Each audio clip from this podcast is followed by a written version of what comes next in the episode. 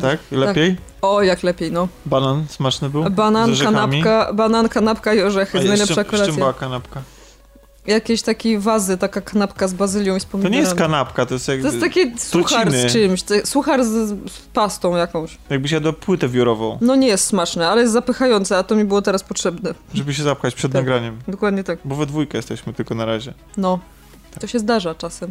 I właściwie to się nigdy nie zdarzyło. Jak to nie? No nie, we dwójkę nie, Nie? byliśmy nigdy we dwójkę. Ale przecież nie, było tak, że zaczynaliśmy we dwójkę, potem ktoś przychodził. I dokładnie tak jest dzisiaj też. To, tak będzie, Tak będzie, Tak chyba będzie. że Kasia nie przyjdzie. chyba że nas wystawi. No, Ale poradzimy sobie i bez niej. dokładnie tak. Mamy dużo tematów dzisiaj, dużo ważnych tematów życiowych. Życiowych, tak. Niestety y, prawie same superbohaterskie. Dlatego Tak, zwłaszcza Cicha Nocy, jest super jest superbohaterska. Dobrze, to co przywitajmy się prawilnie. Dzień dobry, Cześć. E, witają Was w 47 odcinku podcastu kulturalnego inicjatywy Wszystko Gra pod tytułem Kolaudacja Show Ania Nowak Yeah! i Tomek Pieniak. Cześć wszystkim. Rozmawialiśmy o prezentach, zanim, się, za- zanim za, za, zaczęliśmy nagrywać. Masz już wszystkie obkupione? Ja tak. Jeszcze nie wszystkie zdążyły dotrzeć, ale wszystkie już kupiłam. W dodatku większość kupiłam w Black Friday, więc bardzo dobrze na tym wyszłam, bo na przykład mojemu ojcu zamiast kupić jeden koncert, kupiłam mu dwa koncerty. Ale w różne, w różne dni, tak? E, Tak, w różne dni, no. A na co, na co wybierasz ojca? E, Na Pink Floydów i na Nightwisha. Jeden znam. No widzisz! Ojciec ma dziwne upodobania, znaczy skrajne upodobania muzyczne, ale myślę, że będzie zadowolony. Mhm. Lubi koncerty oglądać, więc na pewno się ucieszy. A co Basce kupiłaś? Przecież nie powiem, bo Bas usłyszy. Nie, Ona no dobra, słucha ona wie. przecież, ona nas nie słucha. no to, a to, to śmiałabym się, jakby akurat tego odcinka posłuchała. Kupiłam jej komiksy z Gwiezdnych Wojen, e, z, te, z tej serii Legendy. Karmazynowe Imperium, jakiś o, o, o Lordzie Wejderze i jeszcze, jeszcze coś. I Mroczne Imperium chyba się nazywa, tak jeszcze jedna seria. Podobno dobre. Podobno dobre, no to się okaże. Mam nadzieję, że, że, że pozwoli przeczytać, jak już dostanie. A ty co byś chciała dostać? Nie wiem. Słodycze. Nie mogę teraz jeść słodyczy i cały czas myślę o słodyczach. Chciałbyś Chciałabym dostać taką. y, Ja pamiętam, jak. y, Wiesz, jestem wiekowy, y, więc pamiętam, jak na przykład moi rodzice pracowali w takim zakładzie jeszcze perelowskim, za czasów PRL, jak byłem w y, przedszkolu, i tam chodziliśmy do zakładu i dostawaliśmy od Mikołaja takie paczki. Tak, paczki też były y, u moich rodziców, też, też były paczki i były wyjścia do kina. Tego do kina nie pamiętam, a może, może nie mówili, że, tak, że takowe są, ale, ale, ale, paczki, ale paczkę pamiętam. Pamiętam, że tam były właśnie jakieś cytrusy zawsze, jakieś właśnie słodycze. Wyroby czekoladopodobne. Tak, tak, takie rzeczy, tak, tak. Ale, ale bardziej, bardziej niż samą paczkę, to pamiętam całą wyprawę do tego zakładu pracy i, i spotkanie z Mikołajem i w ogóle. Wow. No ciekawe, że czy teraz takie rzeczy są. Właści, Są. Właściwie są, bo y, Są, są. Specjalnie się Mikołajów zatrudnia w szkołach na przykład, na jakieś takie dni specjalne. Czy przynajmniej jeszcze No czasów, szkoły kiedy, tak, ale- za czasów, kiedy ja jeszcze pracowałam w szkole. Ale w firmie na przykład, w której ja pracuję, jest normalnie dzień Mikołajki dla rodziców i dla dzieci. Co więcej, dzieci dostają prezenty też, które przyjdą. Mhm. Więc y, rodzic musi zgłosić dziecko, upewnić się, że wszystkie są zgłoszone i dostają z imienia i z nazwiska prezenty tak ładnie opakowane. I jest impreza z Mikołajem, właśnie tam... y, firmowy ten, papier. y, No, firmowy papier, tak, z, logo, z logotypem. I wszystkie, a, a, w środku w paczce długopisy. Tak, z takie zestawy, smycze, tak, z, z, te- te zestawy siki. takie, takie pracowe. No mi się przypomniało, że kiedyś jak prowadziłem kółko teatralne w Monarze w moim mieście, Opowiadałeś. to, to, to mieliśmy okazję grać właśnie w jakimś zakładzie pracy na Wigilii, bo robiliśmy opowieść wigilijną. Wy, wystawialiśmy, tak, więc... wow. I ki- I kim byłeś? Ja panem reżyserem, więc A, jakby okej, chodziłem czyli nie się... Nie, nie, nie, nie, nie. Co, było, co zresztą bardzo cierpiałem z tego powodu, bo ja uwielbiam występować. No dobrze, Kasi jeszcze. Ka Kasi jeszcze nie ma, to sobie przejdziemy może, to ja szybko Mhm. coś powiem. O serialu, który mnie trochę wziął z zaskoczenia, bo nasz słuchacz Opowiedz. Na, e, na, na Twitterze mi przypomniał o tym, że zacząłem go oglądać. Ja zacząłem go oglądać, ale byłem po ciężkim dniu i od razu usnąłem, ale to nie znaczy, że film był jakiś, że ten serial mnie znudził. I zostałem wywołany przez Łukasza Białeckiego na, na Twitterze, pozdrawiamy. Pozdrawiamy. E, I, i tak, i postanowiłem do niego wrócić. Do Łukasza? do Łukasza, tak. Do Do? Łukasza z wrażeniami y, o tym, o tym serialu. No, wiesz, y, mówię o, o, o serialu mm, Godless, który można oglądać na Netflixie. To jest siedmioodcinkowy serial, który jest właściwie taką zamkniętą całością, chociaż ja coś czuję, że z tego to się zrodzi coś więcej. Czyli, że się nie skończy na jednym sezonie. Tak, to znaczy, że historia jest zamknięta, natomiast... A, y, ale to nie znaczy, że nie można jej ode odemknąć jak trzeba. co, ja, ja, ja nie przepadam za kontynuacjami, rzadko wracam, a jak wracam, to zwykle mi się to mniej podoba to, co oglądam, a tymczasem tak polubiłem tutaj bohaterów tego, tego filmu, tego serialu, a to jest serial y, typu western. Okej. I taki bardzo klasyczny właściwie można by było powiedzieć, gdyby nie to, że ma dosyć silny wydźwięk feministyczny. No tak, rozumiem, to jest ten serial, ja widziałam zapowiedź tego serialu, że mężczyźni giną po prostu w wyniku y, tam wybuchu w kopalni, tak? To, Wiesz co, je, tak, jeden, jeden z wątków tego serialu jest taki, że w miasteczku, w którym większość mężczyzn była górnikami i tam Mhm. tylko się z tego utrzymywało, podczas e, jednego dnia, jednego wypadku giną właściwie prawie, praktycznie wszyscy mężczyźni Mhm. i całym miasteczkiem od tego momentu rządzą kobiety, które sobie tam same żyją, rządzą i tak dalej. I radzą sobie? I radzą sobie. O, nie wierzę, nieprawdopodobne. E, ale to nie są, to, to nie są To jedyne... był sarkazm, gdyby ktoś nie zauważył. Ale to nie są jedyne y, silne kobiety, postacie kobiece w tym, w tym serialu, bo, bo mamy też y, jeszcze pewną wdowę, nawet dwukrotną wdowę, U. tak, prowadzącą w- własne rancho, e, hodującą konie. Sama fabuła nie jest aż jakoś, jakoś zbytnie skomplikowana. Co ciekawe, głównymi postaciami, chociaż tutaj wspomniałem, że jednym z głównych wątków y, to jest to miasto, miasto kobiet, to tak naprawdę cała opowieść to jest y, powiedzmy taki pojedynek i polowanie na- nawzajem na siebie dwóch y, członków gangu, mm, z czego jeden jest szefem, hersztem tego, tego gangu, a drugi jest takim przybranym jego synem. Mhm. Jakimś Czyli kogo- pojawiają się mężczyźni. tak, tak, nie, no mężczyźni się pojawiają, bo oczywiście trzeba skonfrontować te kobiety z mężczyznami. To właśnie ta banda temu miasteczku rządzonemu przez kobiety zagraża, ale zanim to się stanie, to, to, to jest w ogóle taka odległa przyszłość, yy, bo yy, początek serialu się zaczyna w momencie, kiedy e, śledząc losy jednego ze stróżów e, prawa, natrafiamy na scenę no, prawdziwej masakry, e, bo napad na pociąg zakończył się totalną, totalną rozwałką zarówno pociągu, jak i masy ludzi, ludzi z samego pociągu i z miasteczka obok i też ban, ban, bandytów, no i śla, śladami tej, tej rozwałki, jakby próbując rozwikłać tą sprawę, e, stróże prawa e, jakby udają się w pościg właśnie za, za, tą, za, za, za, za, za tą bandą z, y, z hesztem na czele, ale też za człowiekiem, który był właśnie członkiem tej bandy, a teraz obecnie robi wszystko, żeby pokrzyżować y, szyki tej bandzie, czyli gdzieś tam doszło do jakiegoś roz, rozłamu. I cały serial właściwie opowiada właśnie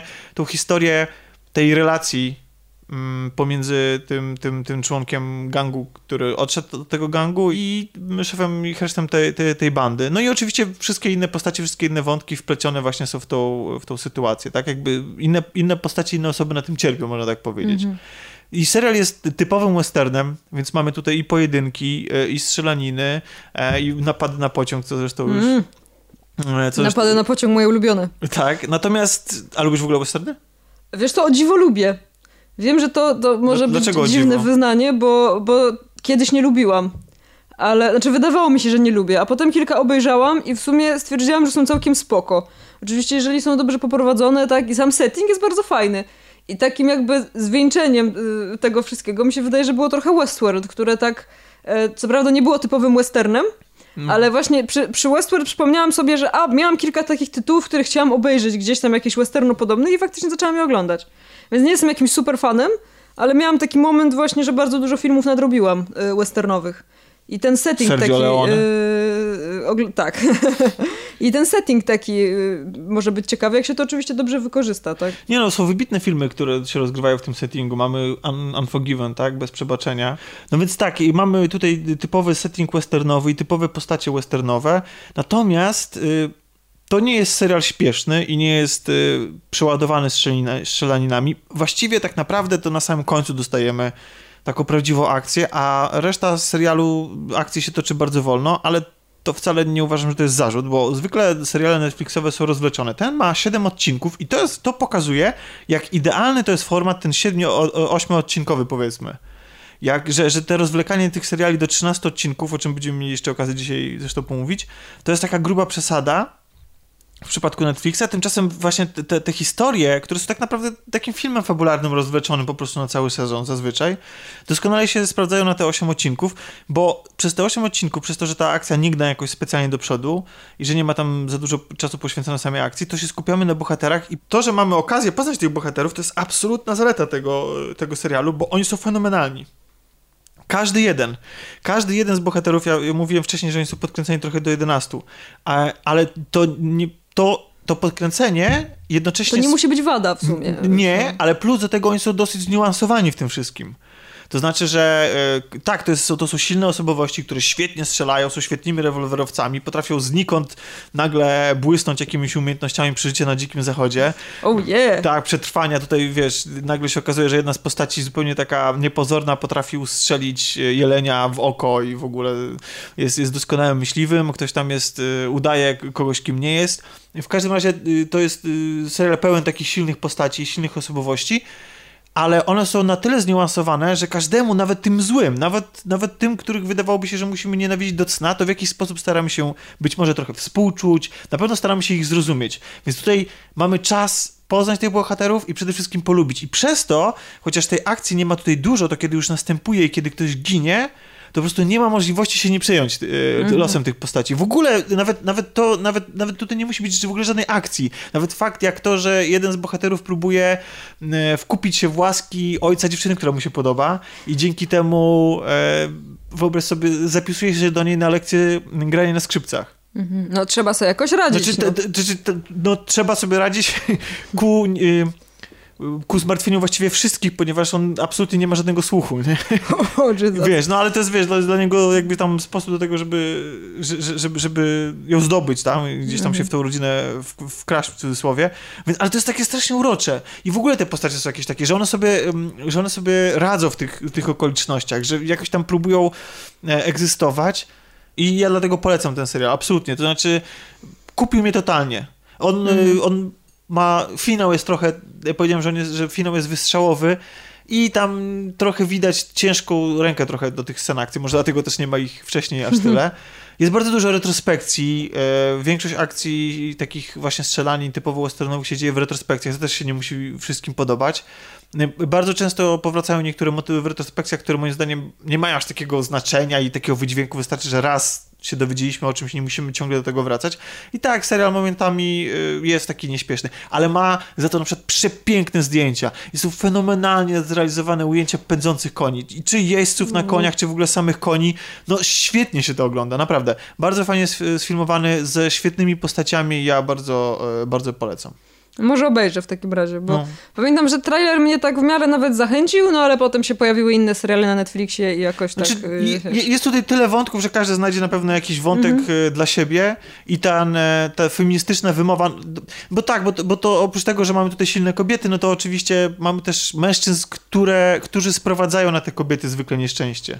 Jak to w życiu bywa. Tak, które, które posługują się, którzy posługują się językiem przemocy i kobiety muszą się w tym języku również nauczyć mówić, tak? Również mhm. muszą być, e, stać takie twarde jak, jak, e, jak, jak mężczyźni, tak? Czy twardzi, no, brutalni i tak dalej, no bo, bo wiesz, bo serial fajnie pokazuje ta strata tych, wyginięcie całego miasteczka mężczyzn i pokazanie tej, tego, takiej samowystarczalności tych kobiet, to też pokazuje właściwie to, to wiesz, to, to, to, może się wydawać to przerysowane, ale prawda jest taka, że nadal w dzisiejszych czasach również no kobiety często zostają po prostu same, tak? I muszą sobie radzić z życiem i są często większymi herosami nawet niż y, ich mężczyźni, którzy z jakiegoś powodu i od nich odeszli, tak? No nie da się ukryć. Tak. Więc tak, więc y, y, serial się nazywa Godless, można go obejrzeć na Netflixie, ja gorąco gorąco polecam. Osiem odcinków mówiłeś? Siedem. No a, no to tak, Siedem. Tak. Ale godzinnych.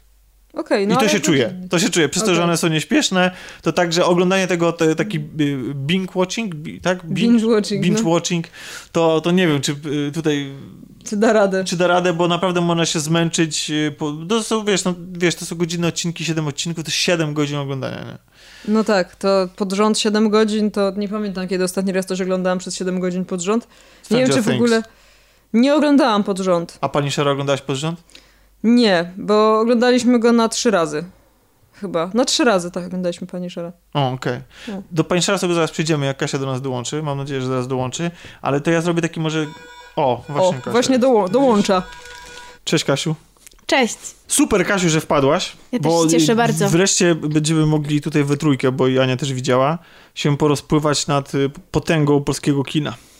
Tak będzie. Tak będzie. Będziemy omawiać film Cicha Noc, który każdego z nas... y, To trochę- ten super bohaterski, który zapowiadałeś na początku. Tak, to jest super, super bohaterski film. Polski film, debiut y, reżyserski. m, Pana, który... Do, y, y, kinowy debiut reżyserski, bo wcześniej realizował filmy krótkometrażowe. Czy sprawdziłeś Tomku nazwisko? Oczywiście, że sprawdziłem i oczywiście, że nie pamiętam, więc prawdopodobnie ktoś z nas chętnie otworzy film web i to sprawdzi. Podczas gdy ja będę pokrótce opisywał, czym jest ten film. Film, który, e, film, który zdobył masę zachwytów na festiwalu w Gdyni. Piotr Domalewski. Piotr Domalewski, tak. Dostał nagrodę na festiwalu w Gdyni. Wygrał zresztą. No, y, oczywiście. y, tak, Ja był- wiedziałem, po prostu was sprawdzałem prosto, nie? był- Jak zwykle. Jak zwykle. No więc y, pan Piotr Domalewski zaprasza nas na wigilię do, Do rodzinnego domu. do rodzinnego domu, polskiego rodzinnego domu, na wskroś. Można powiedzieć, że trochę to jest Polska B, że to, że, że to jest y, trochę dom na wsi, tak? Gdzieś tam pod lasem. E, dom e, ludzi, których nie można powiedzieć jakoś tam określić, że żyją wystawnie albo zarabiają dużo pieniędzy, ale jakoś próbują ogarniać rzeczywistość. Ale to też nie jest dom rodziny, która nie potrafi związać końca z końcem i mieszka w jakiejś małej, ciasnej izbie. No właśnie to E, chciałam powiedzieć, że Polska B często kojarzy się już z jakimiś takimi bardzo złymi warunkami. Tak, a u nich wcale nie jest tak źle. W sensie, jak patrząc na ten ich dom, przypominałam sobie też, jak trochę wyglądał dom y, w okolicach tam rodzinnych mojej mamy, gdzie i w ogóle domy, tak, jak, jak wyglądały. I one wyglądały dość podobnie i to nie było uważane za złe warunki. Zresztą ja sama bym tego nie uznała za złe warunki. Jakby wydawał się całkiem spory ten Wydawał dom. się I okej. Tak, wydawał Aczkolwiek taki, no... ta egzystencja jest opłacona taką pokoleniową wręcz emigracją członków rodziny. Tak, najpierw Tak. mieliśmy wiecznie nieobecnego ojca, co teraz też... Granego co od- przez Jakubika. E, Arkadiusza Jakubika, zresztą świetnie zagranego. E, I co mm, kładzie się cieniem właściwie na losach całej rodziny i oni teraz, e, do teraz to wszystko się odbija na nich, e, ta nieobecność taty. No i I sami też kultywują A jakby... główny jest, bohater- Jest spuścizna jego w, w postaci ich własnej emigracji. no tak, i właśnie główny bohater przyjeżdża Grany przez pana... e, Ogrodnika. e, Ogrodnika. Dawida Ogrodnika, którego znamy między innymi z roli Tomasza Beksińskiego niedawno. E, przyjeżdża właśnie na wigilijny wieczór. Zresztą a propos... z emigracji. z emigracji z Holandii. Właśnie a propos ogrodnika, jak sobie zostawiłam te filmy, to dopiero zwróciłam uwagę, jak on świetnie grał w tamtym filmie i w tym. Jest to całkowicie zupełnie, zupełnie różne osoby. O, jeszcze on wcześniej grał y, Chce się żyć? Tak, Tak. Czyli to tak. też jeszcze zupełnie inna rola, prawda? Taka- niepełnosprawnego. O kunszcie aktorskim, aktorów w tym filmie sobie porozmawiamy i będziemy się rozpływać nad panem Ogrodnikiem. I pewnie nie ogrodnik. tylko. pan ogrodnik, ale jeszcze wracając do, same, do samego zarysu sytuacji, no tak, y, bohater grany przez y, ogrodnika wraca do swojego rodzinnego domu, widzimy jak y, najpierw podróżuje autobusem, później wypożycza samochód, no i ostatecznie dociera, skutecznie omijając niecierpliwe telefony od swojej dziewczyny, co jest o tyle Aśki, dziwne. która prawdopodobnie mieszka w Warszawie, tak można się domyślić, bo Tak, mhm, wydaje mi się e, też, no że- oni mieszkają raczej w dużym mieście, a to jest 40 km od Warszawy, więc on jedzie prosto do swojego rodzinnego domu, oszukując dziewczynę swoją. Dokładnie. I to oszukiwanie i właściwie takie jakieś pewne tajemnicze zachowanie jest o tyle dziwne, że spodziewają się oni dziecka. I oprócz tego to nasz główny bohater to nie jest jego jedyna jakaś tajemnica, któ- którą ze sobą przywodzi. Znaczy, bo- możemy to wyjaśnić tym, że on szykuje dla niej niespodziankę. Myślisz, że to No ja tak chodziło? to zrozumiałam, że on nie chce przedstawić tego jako niepewny pomysł, tylko chce postawić ją przed faktem dokonanym. Zobacz, co osiągnąłem, załatwiłem to i to. Nie będę tu mówić dokładnie, jaki jest jego pomysł, ale on coś szykuje i chce najpierw załatwić. Coś tam trochę kombinuje. Tak. I dopiero pojechać ze swojej dziewczyny i powiedzieć, słuchaj, jesteśmy ustawieni. Ustawieni. Tak, no bo generalnie y, nasz bohater przywodzi z emigracji na tą jedną noc y, nie prezenty, a właśnie jakiś plan działania i od samego początku zachowuje się dosyć dziwnie, nagrywa różne sytuacje kamerą wideo, która jest ewidentnie nie nagrywa tego dla siebie, ani dla swojej dziewczyny, Chociaż początkowo może się wydawać, że nagrywa to dla swojej córki. Tak? Czy moment Tak, a nag- nie, się czy nagrywa i dla Coś córki? nagrywa, Tak. tak. Coś nagrywa, bo on mówi tak, że jak już się pojawisz na tym świecie, to coś tam, tak, więc są takie momenty, które nagrywa dla dziecka, ale są też takie momenty, które nagrywa, on też różną narrację prowadzi, bo raz mówi po angielsku, raz mówi po polsku, jak nagrywa te filmy, więc też są takie trochę, yy, no nie wiadomo w sumie, czy wszystkie nagrywa w tym samym celu, no raczej pewnie nie. Plus do tych wszystkich tajemnic naszego bohatera dochodzą jeszcze tajemnice związane z jego bratem, który z jakiegoś powodu wyjechał nagle z Holandii, gdzie przez chwilę pracował razem z Gdzie nasz główny bohaterem. bohater załatwił mu pracę. Załatwił mu pracę, a po czym wydaje się, że, że, że się pokłócili i wrócił y, on do Polski. I te wszystkie tajemnice są tak naprawdę dosyć łatwe do rozwikłania. To nie jest, tak moim zdaniem, nie wiem, czy wy y, odniosłyście takie same wrażenie. Samo wrażenie. Ale w jakim sensie łatwe do To znaczy, że ja mniej więcej w połowie Są filmu się już zorientowałem, No o co tak, o, to o co można to przewidzieć, chodzi. ale jakby Tak. to nie, zupełnie nie zmniejszyło mojego zainteresowania. To nie jest film tego typu, film z twistem, odgadniesz twist i wszystko staje się nudne.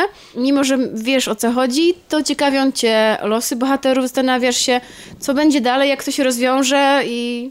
Bo to nie jest film o tym twiście i o tym No właśnie o to chodzi tej i to tajemnicy, dobrze, i to dobrze. Tylko to jest y, okazja do tego, żeby sportretować y, trochę Polaków po prostu. Mm, Tak. I to nawet nie Polaków tej Polski B, i to nie jakąś patologię, mimo tego, że mamy na ekranie alkoholizm. Ale to też jest alkoholizm, który jest zupełnie inaczej pokazany, bo to nie jest... Niż e, zwykle To nie filmach, jest ojciec, tak. który, czy, czy dziadek, który po alkoholu robi się agresywny i, i wszystkich leje. Co nie znaczy, że E, takich epizodów co- nie, miałoby, nie e, mogło tak, być w przyszłości. Tak, ale Chodzi, chodzi o to, że nie jest to, ten alkoholizm nie jest w filmie przedstawiony jako taki, który powiedzmy... E, Niszczy tą rodzinę. Tak, znaczy pewnie niszczy na swój sposób, ale... Niszczy, ale inaczej. Ja właśnie i podobało mi się to, że było to tak przedstawione, ponieważ filmy moim zdaniem pokazują właśnie schematyczny obraz alkoholizmu.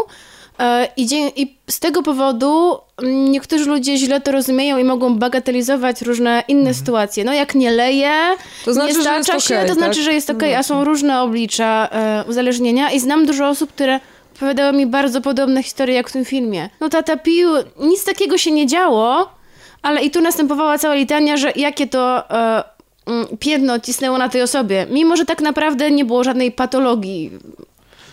Tak, ani przemocy. Znaczy, to, to jest film, który tutaj mówimy o alkoholizmie, mówimy o jakimś załatwianiu jakichś spraw, mówimy o jakichś kłótniach rodzinnych. Ale pojawia się też przemoc. Pojawia się też przemoc e, domowa. Natomiast mam wrażenie, że ten film nie epatuje tą patologią. No to nie jest cudowne życie, to, to absolutnie to jest dalekie od cudownego życia, ale jednak oni po prostu żyją. Z jakiegoś powodu jeszcze czerpią y, przyjemność z tego życia.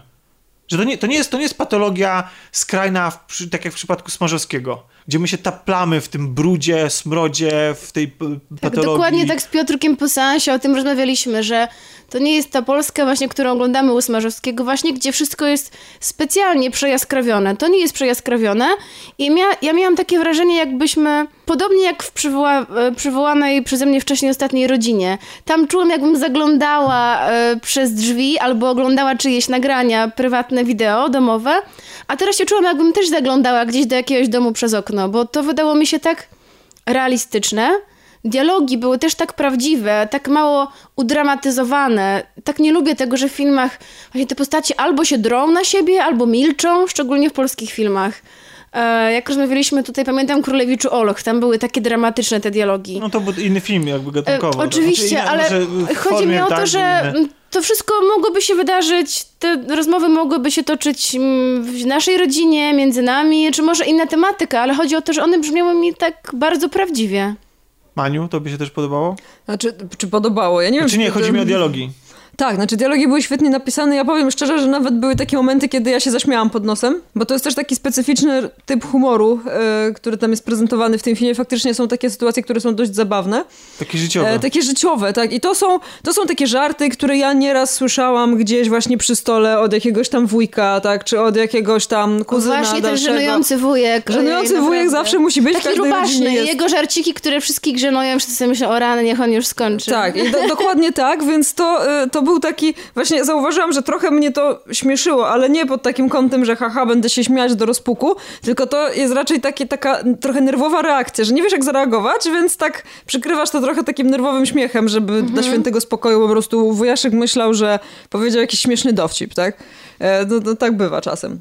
Ale faktycznie w dialogach jest bardzo duża siła tego filmu, bo one są tak naturalne, w sensie nie ma, nie ma się w ogóle wrażenia, że są w jakiś sposób wymuszone, że są jakieś nadmiernie powiedzmy y, prze, przestylizowane. Właśnie są takie zwykłe, czasem krótkie bardzo, oni ze sobą rozmawiają też, tak jak na przykład między tymi braćmi są rozmowy. Oni ze sobą rozmawiają w bardzo prosty sposób. Niegramatyczne. W, niegramatyczne czasem. Przekleństwa są jest, tam, gdzie powinny być i nie brzmią wymuszenie. Ich, tak, jest ich całkiem sporo. Nie patują tym, ale... one są takie naturalne jak przecinki po prostu. Tak, to jest, to jest coś takiego, co to jest po prostu tak jak ludzie często rozmawiają ze sobą na co dzień, tak? I to ludzie, których znamy, więc to nie jest tak właśnie, że to jest my jakaś... tak rozmawiamy. E, my tak nawet rozmawiamy ze sobą. To nie jest patologia, która nie potrafi się wysłowić, tak? I nie potrafi złożyć poprawnego zdania i e, właśnie nie tylko, że tylko kurwa jako przecinek, czasami. tylko też kur i inne takie jako ogonki przy niektórych literach, tak?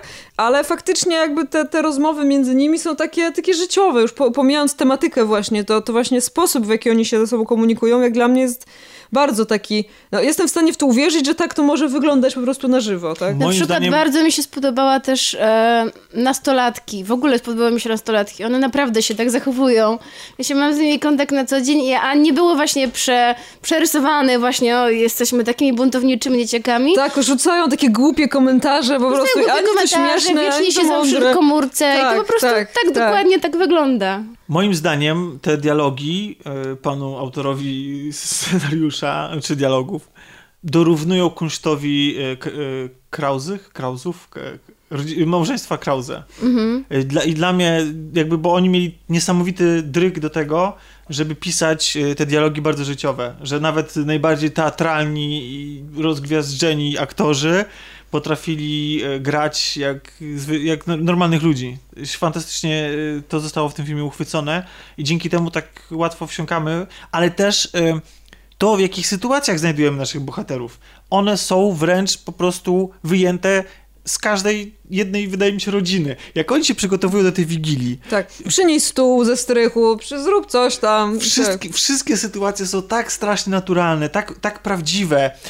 Smarzowski w weselu próbował coś takiego zrobić i na tamte czasy wtedy wydawało się to absolutnie naturalne i takie właśnie wow, odświeżające, takie wręcz realistyczne, ale jednak było to ubrane w tą taką formę e, trochę, że one było, to, to było trochę podkręcone to tak, wszystko. Tak, bo to nie było realistyczne, tylko naturalistyczne, naturalistyczne. czyli że właśnie podkoloryzowane, a tutaj było realistyczne właśnie. Te półsłówka, jakieś urwane zdania. Jest fantastyczna sekwencja, jak e, siostra głównego bohatera opowiada dowcip i niesamowite jest to, że ona opowiada ten dowcip, y, tam się myli, y, jakoś język jej się plącze. Ja nie wiem, czy ona w ogóle nawet puenty nie spala, nie, nie pamiętam.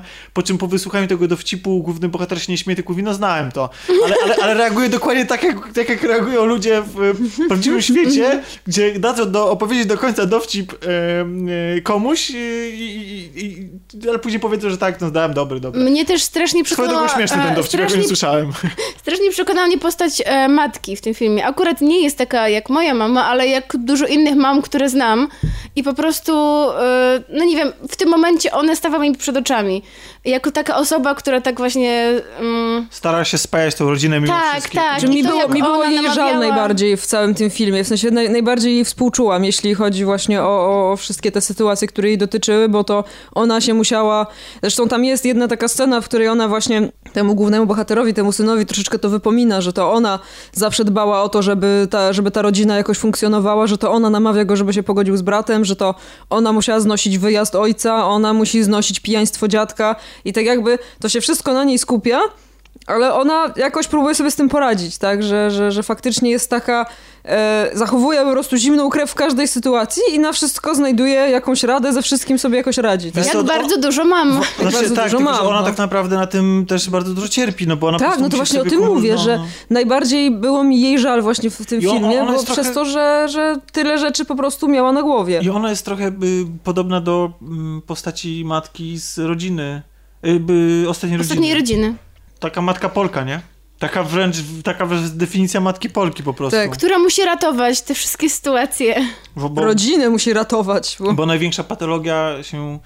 Znaczy patologia, największe problemy stwarzają e, stwarzają mężczyźni. To, to nie jest też tak, że ten film jest jakoś skąpany w tym brudzie i w tym roku i tam w ogóle nie ma niczego zabawnego, bo tutaj nawet Ania powiedziała o tym, że Tak. te żarty siadają. E, mamy, y, mamy też takie postacie, które ewidentnie są stworzone tylko po to i sytuacji, żeby być takim delikatnym comic reliefem, żeby było takim, żeby to by- było takie odejście od tego poważnego tonu dramatycznego. Zresztą sam film, mimo tego, co zapowiada trailer, nie gra na takich wysokich tonach jak filmy Smarzowskiego. To nie jest tak, że tam rozgrywają się dramaty, w których, nie wiem, cała rodzina zostaje wymordowana, Uuu. gdzie, gdzie nie, znaczy, to, to, jakby to jest dalekie od tego, znaczy mamy film, ten film się mocno kończy, on ma tam puentę i, i, i- to nie jest, to, to myślę, że nikt się nie spodziewa po prostu happy endu po tym filmie. Ale to nie jest koniec świata. Ale to nie jest koniec świata, Jest dla nich jeszcze jakaś nadzieja. To nie jest tak, że wychodzimy z kina przybici tym o rany, po prostu koniec tak, już świata. nic dobrego już nic życiu dobrego nie się spotka wydarzy. i nic Tak. mnie też i w ogóle, tak? I to też właśnie jest dla mnie mm, siłą tego filmu, że, że on że, że, że nie nie dociska do końca, że, że on nie dołuje, że on, że on pokazuje tą gorszą stronę naszej rzeczywistości, tą, o której przy wigilijnym stole na, pe- y, y, stole na pewno chcemy zapomnieć, e, ale która tam jest, która pod tym siankiem, pod tym obrusem tam cały czas, y, my ją tam zamiatamy, ale ona A wiecie, na co jeszcze zwróciłam właśnie- uwagę? Że to, co my widzimy w filmie, to nie jest do końca obiektywny obraz tego, co się dzieje. To jest przefiltrowane przez oczy głównego bohatera. E, I to jest jakby taki trochę negatywny obraz tego świata, bo on, jemu się przydarzają różne rzeczy nie do końca miłe. Nie wiem, czy zwróciliście uwagę na filmiki nakręcone przez jego młodszą siostrę, bo Tak, podczas napisów widzimy na filmy, e, sceny, których my nie widzieliśmy, bo bohater gdzieś wyszedł, był czymś innym zajęty. Bo ona bierze od niego tą Tak, kamerę ona bierze i nagrywa... kamerę i nagrywa. I okazuje się, że to był całkiem miły wieczór. Tam się działy całkiem sympatyczne, fajne rzeczy. Oni śpiewali kolendy, przytulali się, Żartowali robili sobie, sobie, zdjęcia, tak. żartowali. No, Nawet ta mama tam wiesz, z nimi mm, żartowała. ale chodzi- Oczywiście, wiesz, rodzi momenty. pytanie, wiesz, na ile my się właśnie w takich rodzinnych sytuacjach, takich na pokaz Ale chodzi mi o to, że skrywamy za tą oczywiście, ale chodzi mi o to, że też to, to było też dziecko, więc dziecko jakby nie wygładza świata. Ona nagrywała go takim, jakim go widziała.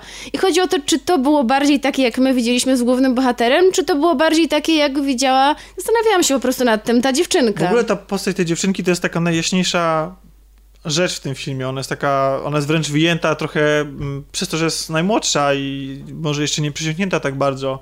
Tym wszystkim ma jakieś marzenia y, i, i jakieś cele i, i, wszyscy się do niej też od, odnoszą inaczej, tak, niż do Mhm. reszty. Więc o, ona też jest trochę wyjęta z tej rzeczywistości i ona jest takim, takim największym promikiem nadziei i w ogóle takiego ciepła dla wszystkich, łącznie z naszym bohaterem którego sami zresztą będziecie moi, musieli, drodzy słuchacze, ocenić, jeżeli się wybierzecie na ten film e, i jego postępowanie i stanąć po którejś ze stron. Podobał wam się w ogóle ten film? Tak, zdecydowanie. Tak, znaczy jeżeli można powiedzieć o filmie... Nie, nie chodzi mi o to, czy się tam super bawiliście, ale tylko czy po prostu, Tak. czy, czy Nie, po, podobał do mi, się, podobał mi się i dał mi do myślenia I, i myślę, że warto ten, ten film zobaczyć po prostu głównie przez to, że jednak jest w stanie poruszyć faktycznie. A w moim przypadku jeszcze ciekawe było to, że to jeden z nielicznych filmów, kiedy wyszliśmy z Piotrkiem i oboje byliśmy bardzo zadowoleni, bo ostatnio albo jemu się podobało, albo tylko mnie się podobało, a w tym przypadku oboje wyszliśmy pod dużym wrażeniem i potem długo jeszcze rozmawialiśmy o tym. I tak, my, lubię my, takie my filmy. też długo rozmawialiśmy, też długo rozmawialiśmy i też o tym, jak to, właśnie pamiętam, że jak wyszliśmy z, z kina, właśnie to Alek powiedział, ale masakra.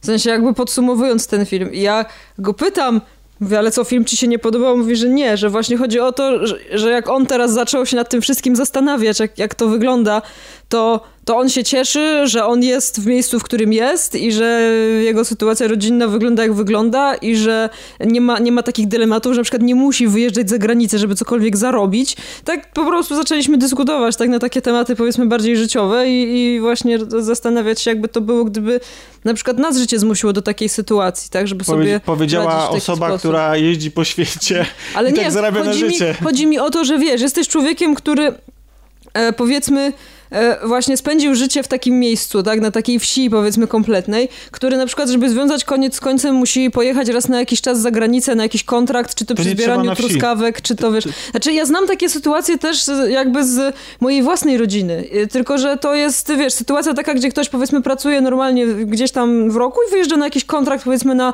2-3 miesiące, tak, gdzieś za granicę, żeby gdzieś tam, czy to nawet na budowie pracować, czy gdzieś. I to, to są rzeczy, które dotykają, myślę, że większej części społeczeństwa społeczeństwa niż nam się wydaje. To, to, to się dzieje cały No. czas, ale Ja na ten Ale film wie- czekałem 15 lat. No, Okej. autentycznie, bo od Ale jeszcze m- mogę nawiązać do tego, co y, Ania powiedziała. o emigracji. Bo nie wiem, czy chcesz już na inny temat. nie, właśnie nie o mówiłam o, chciałem- o, a mówiłam, chciałam tylko powiedzieć o tym, por- mm, to co Alek y, powiedział, że, że cieszy się, to ja właśnie podobny temat poruszam właśnie w naszej grupie, kiedy po przeczytaniu wywiadu z reżyserem dowiedziałam się, że w tym domu autentycznie mieszkała osoba, która uznała, że to, co scenografowie zrobili na potrzeby filmu, to był dla niego luksus i on się czuje teraz jak w tak, luksusowym widziałam, hotelu. widziałam właśnie ten artykuł. Bo wcześniej nie No. miał bieżącej wody. W ogóle polecam cały ten wywiad. Tak, to jest bardzo, bardzo dobry tekst i też bardzo daje do myślenia. Ale chodzi mi o to, że po prostu...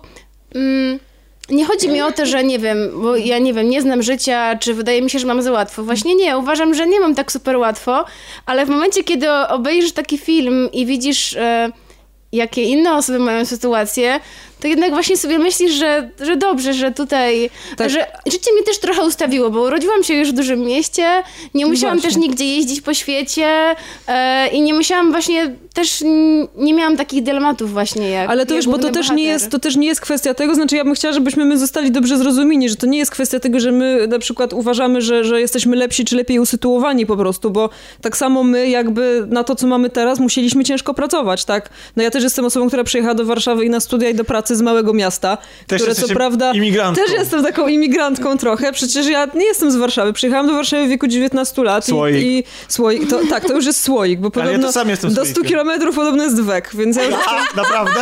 tak, więc ja- ty jesteś wekiem. To ja jestem wekiem. Ja jestem słoikiem takim tru, więc sorry, ale, Okej. ale nie umywasz się, więc... e, Znaczy, czekaj, bo to jest jakaś hierarchia taka, że... Tak, tak, to ja we- jestem tym- są niżej? e, A to ciekawe, czy Nie, są myślę, że wyżej, bo są nie no, bliżej. wyżej, bo są bliżej Warszawy. No właśnie, Słoiki są najgorsze. Tak, tak. Ja myślę, że ten tekst tutaj u Tomka, ja chciałam powiedzieć, bo nie wiem, czy wszyscy wiedzą, ale jak my przychodzimy nagrywać do Tomka, to to jest taki bardzo nieładny tekst na murze, gdzie jest napisane, jak tam słoiki do domu, Tak, słoiki do domu. słoiki do domu. I ja jestem pewna, że to Tomek napisał. Wiedząc, że my z Barbarą będziemy przychodzić tutaj na nagrania. A Dokładnie. powiem wam, że ja się urodziłam w Warszawie, ale bardzo często od moich rodziców z domu przywożę słoiki i różne pyszne rzeczy. Ja nie więc... przywożę, bo mam za daleko, A więc... widzisz, no ja mieszkam no. w Warszawie, moi rodzice w tym samym mieście, ale e, nie rozumiem, co pejoratywnego jest w słoiku. Przecież Słoiki są tam- najlepsze tam na środku są świecie. pyszności przecież. No właśnie. Nie, roz, nie rozumiem. Słoiki są najlepsze na świecie. To ja, to ja wrócę na chwilę jeszcze do Dlaczego filmu. czekałeś 15 lat? 15 Tak. lat, bo od 15 lat po, po głowie mi chodzi temat emigracji polskiej. Nie jest to żaden nowy temat, bo emigracja polska jest wpisana w naszą historię. Y, I to zarówno po PRL-u. My jesteśmy narodem, który wiecznie emigruje. Którego całe rejony wręcz słyną z tego, że, że emigrują. Kiedyś emigrowaliśmy do Stanów Zjednoczonych, teraz jest to Anglia, Holandia, inne kraje, Ale jeszcze wcześniej były emigracje Dokładnie. wymuszone różnymi trudnymi e, momentami w naszej historii, więc... Więc my jesteśmy narodem, który bardzo chętnie emigruje, znaczy chętnie. Znaczy nie wiem, czy chętnie. Tak, ale jest zmuszony i, i, i czekałem na film, który podejmie tą, y, tak na poważnie, nie jakiś tam Londyńczycy czy coś takiego, tylko, tak, y, tylko film, który na, na, na, w taki sposób dramatyczny podejmie sprawę emigracji, tego masowego eksodusu Polaków, który miał miejsce tam kilkanaście lat temu, jego i ich ewentualnych powrotów, tego jak im się udało i tak dalej. I strasznie się cieszę, że ten film powstał, bo to jest film, który jest przede wszystkim o nas, o Polakach. To jest nasz portret, czy, tego, znaczy, czy jesteśmy z takich rodzin, czy nie, czy mamy kogoś znajomego takiego, czy nie, czy się utożsamiamy z tymi ludźmi, czy nie, to się z nimi utożsamiamy przez to, że jesteśmy Polakami. I gdzieś prędzej czy później w swoim życiu się z takimi sytuacjami spotkaliśmy, z takimi postawami życiowymi się spotkaliśmy, bo prawda jest taka, że niezależnie od tego, czy się zarabia 10 tysięcy w korporacji, to gdzieś w nas to wszystko siedzi. I gdzieś tam y, na jakimś etapie swojego życia musimy się z tą emigracją y, w jakiś sposób borykać i konsekwencje tej emigracji dla naszego y, na- y, narodu, dla naszego, jakby dla nas Polaków są określone i ten film być może niedostatecznie, bo to nie jest tak, że on jakby rozwija wszystko i wyczerpuje ten temat, bo, bo na pewno są rzeczy jakby dużo pozytywne, bardziej pozytywne związane z emigracją, tak? Więc to nie jest tak, że ona, że ona tylko wprowadza nieobecność, y, s, s, smutek, samotność i, i nie wiem, i jakąś chęć poradzenia sobie za wszelką cenę za za to za granicą. Ale film jest moim zdaniem niesamowicie patriotyczny z jakiegoś powodu. To znaczy, on uderza tak celnie w te struny takie y, narodowe, jakkolwiek to brzmi, bo teraz y, w dzisiejszych czasach to może być y, Nie tylko narodowe, dobrane, ale... też takie ciepło domowe. Chodzi o, o bardziej, bardziej, bardziej niż symbole narodowe, to bardziej chodzi o więzy nasze takie. Mhm, tak, tak, rodzinne bardziej. Jest jeden dialog w tym filmie. Znaczy właściwie to nie dialog, to jest monolog, jest jeden tekst. Tak, ale, ale to jest piękny monolog Nie będziemy go i zdradzać. nie będziemy go zdradzać, bo to trzeba, tego trzeba doświadczyć, bo jak się go streści, to, to, to nie oddaje, nie ma szansy oddać tego klimatu, który, który tam jest. Który i wygłasza go, wygłasza go... ym, Ojciec Arkadiusz Jakubik. Ojciec Arkadiusz. Ojciec, ojciec, e, To, to Arkadiusz prawie jak ojciec. Mateusz. Ciekawe, czy też jeździ na rowerze. I to jest monolog, który, jeżeli nie zobaczycie tego filmu, to nie oglądajcie go gdzieś na YouTubie, bo on nie wybrzmi tak, tak mocno, jak, jak osadzony w tej sytuacji, konkretnie w tym filmie, w tym momencie. Fantastyczne słowa, gdzie człowiek, że ja nie znam osoby, która tego e, nie wysłuchała i trochę ją to nie ścisnęło za serce. Naprawdę. Ja się wzruszyłam nawet. Że ja w ogóle mam wrażenie, że cały film jakby dążył właśnie do tego dialogu. W sensie to wszystko, co widzieliśmy, to było budowanie klimatu właśnie pod ten dialog, właśnie po to, żeby on tak wybrzmiał, jak wybrzmiał. Że gdyby te wcześniejsze wydarzenia były poprowadzone nieumiejętnie albo w inny sposób, to to by nas tak nie uderzyło. Ja, to, to właśnie jak, jak, e, jak jest poprowadzona ta, no nie rozmowa, tylko właśnie ten monolog. I to, co się dzieje później, to już jest taki, powiedzmy, jakby, tak, to, to, to już jest prawie końcówka filmu zresztą. Ale mam wrażenie, że to jest taki właśnie punkt kulminacyjny całej tej historii. Nie, nie to, co się tam wydarzyło, tylko właśnie ten monolog. Zachwycaliśmy się tutaj nad dialogami, ja też, ale są takie sytuacje, które są takie papierowe, takie, takie czuć, że one są wykreowane pod film, że one musiały się tutaj pojawić, bo tak po prostu wynika z zasad pisania scenariusza, bo, bo, bo, bo dobrze było coś takiego osadzić i dobrze było nawiązać i nie wszyscy też y, równie grają. Znaczy mamy świetne role Jakubika I e, ogrodnika. i Ogrodnika, jego brata też. Tak, on też świetnie zagrał. Film jest świetnie zagrany, natomiast no ma parę fałszywych takich nut. No ma na przykład ta relacja z tą siostrą, to jest taka to jest taka właśnie trochę taka wyde- wyidealizowana, trochę taka właśnie filmowa, jakby w kontrze do tych wszystkich dramatycznych wydarzeń. Mamy też e, postać jednego z, to jest e, kuzyn, e, który tam też ma te, te, tego młodszego kuzyna, takiego A, ten kuzyn, no to było troszkę tak na siłę. No to, to było takie na siłę i po to, żeby się po prostu część sali po prostu zaśmiała i żeby, żeby... Jest tam też trochę... Film się na przykład zaczyna bardzo niefortunnie, bo film się w ogóle zaczyna e, takimi sytuacjami trochę jak właściwie ustawianymi, taki... y, Ta Nie sytuacja wiem, z, tym, z, z, tym, z tym panem w wywi- bluzie, No ale w wiesz autobusie. co, w tym wywiadzie e, reżyser mówi, że sytuacje całe z drogi to są sytuacje, które on przeżył. E, Tylko, I że w to są... 2017 roku nikt już chyba nie nagrywa też y, drogi No ale, właśnie, wiesz? no ale jest- właśnie o to chodzi, że on to przeżył ileś tam lat No temu. właśnie, i dlatego. E, on to przeżył ileś lat temu i powiedział, że mm, chciał włożyć w film swoje właśnie przeżycia, jak on wracał z emigracji No tak. w autobusie i że tak to właśnie wygląda. I też główny bohater zapomina komórki w bardzo wygodnym momencie dla scenariusza, więc... Tak. więc Albo znajduje komórkę w swojej kieszeni w bardzo Dokładnie. wygodnym momencie scenariusza. A Dokładnie. jeszcze, więc... i- a jeszcze chciałam wspomnieć, bo już przyszliśmy już, już do, e, do wad, ale jeszcze chciałam wspomnieć o moim zdaniem ciekawej postaci e, starszej siostry głównego bohatera, czyli Świetnie Olce. wygranej, tak. Świetnie zagranej i e, moim zdaniem wcale nie tak bardzo jednoznacznej. Jak jeszcze się nie zorientowaliście, to chyba absolutnie polecamy. Mimo wad. Polecam. Tak, tak, polecamy. Zdecydowanie. Ja byłem naprawdę... I nie, nie nastawiajcie się, myślę, że to warto, warto powiedzieć, już, już to mówiliśmy, ale warto to podkreślić. To nie jest film tak ciężki jak filmy Smarzowskiego. To jest dramat, to jest film, który skłania do przemyśleń, ale to nie jest film, w którym tragedia dzieje się za tragedią i, i po wyjściu z kina mamy ochotę rzucić się z mostu, jak ja po domu złym.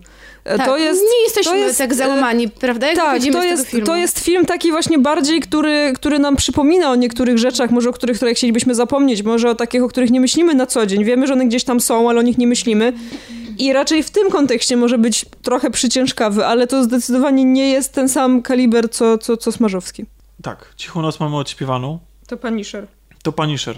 To, Tak? to, tak, to przejdźmy do, do tematów naprawdę ciężkich. Jak już jesteśmy przy rodzinie, Jak jesteśmy już przy rodzinie i O! przy dramatach rodzinnych. tak, Dokładnie. e, to przejdźmy może do innego tytułu, który w trochę inny sposób rozprawia się, hehe, z tematem. Przejdźmy do Franciszka. Do Franciszka. Przejdźmy do Franciszka, tak. Zamka. Tak, Frank Castle, e, który dostał Zamkowski. właśnie, który, postać komiksowa z uniwersum Marvela, który dostał właśnie swój serial na Netflixie.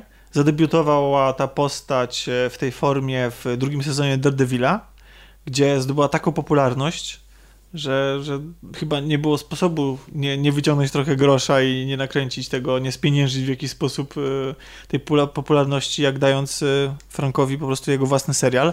Jest to o tyle I ciekawe, wszyscy że... bardzo na niego czekali. Tak, W nawet ja. szczególności fani Punishera. No, na naszej grupie od wielu miesięcy, bo kiedy wreszcie będzie Punisher? A No, jak- już. Punishera? Przyszła, jak przyszła premiera, to jakoś cicho się zrobiło. To znaczy, ja Bo nie, wszyscy oglądali, no. Znaczy nie, ja nie oczekiwałam, bo ja byłam bardzo zawiedziona Defendersami e, i, po, i w ogóle superbohaterami. Jakoś mam taki kryzys superbohaterski i mimo, że wcześniej bardzo długo broniłam tych filmów i strasznie się nimi ekscytowałam, to powoli osiągnęłam chyba ten punkt krytyczny, kiedy już mi się nie chce. Ale pomyślałam, dobra, włączę. Ale Punisher to nie jest superbohater. Tak. No, ale... To jest Ale- człowiek ale- z krwi i kości. Tak, No to dobra, prawda. ale Batman Nie ma też jest człowiekiem z krwi i kości, który nie ma supermocy. Ma, jest bogaty. A, no Punisher tak. nie jest bogaty, Pani- czy Frank Castle nie jest bogaty. Punisher ma Ale- po prostu wyjątkową y, wolę przeżycia. E, Tak, to na pewno. I, I zemszczenia się. I, i, I zem- właśnie, właśnie Ukarania. to chciałam powiedzieć. i ukarania wyjątkową wszystkiego motywację. złego, wyjątkową Dokładnie. motywację. Dla tych, którzy nie mają zielonego pojęcia, kim jest Punisher, to krótki rys dosłownie. To jest, Psychologiczny? tak. Krótki rys, dobra, godzinę później. Nie, właśnie, właśnie widzisz.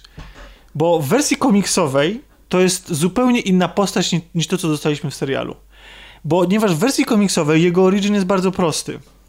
Ponieważ to jest człowiek, były żołnierz z Wietnamu, który wraca do domu i po skończonej służbie jego rodzina zostaje zabita, zamordowana w, przez przypadek w strzelaninie w parku e, po, w trakcie porachunków pomiędzy mafiozami.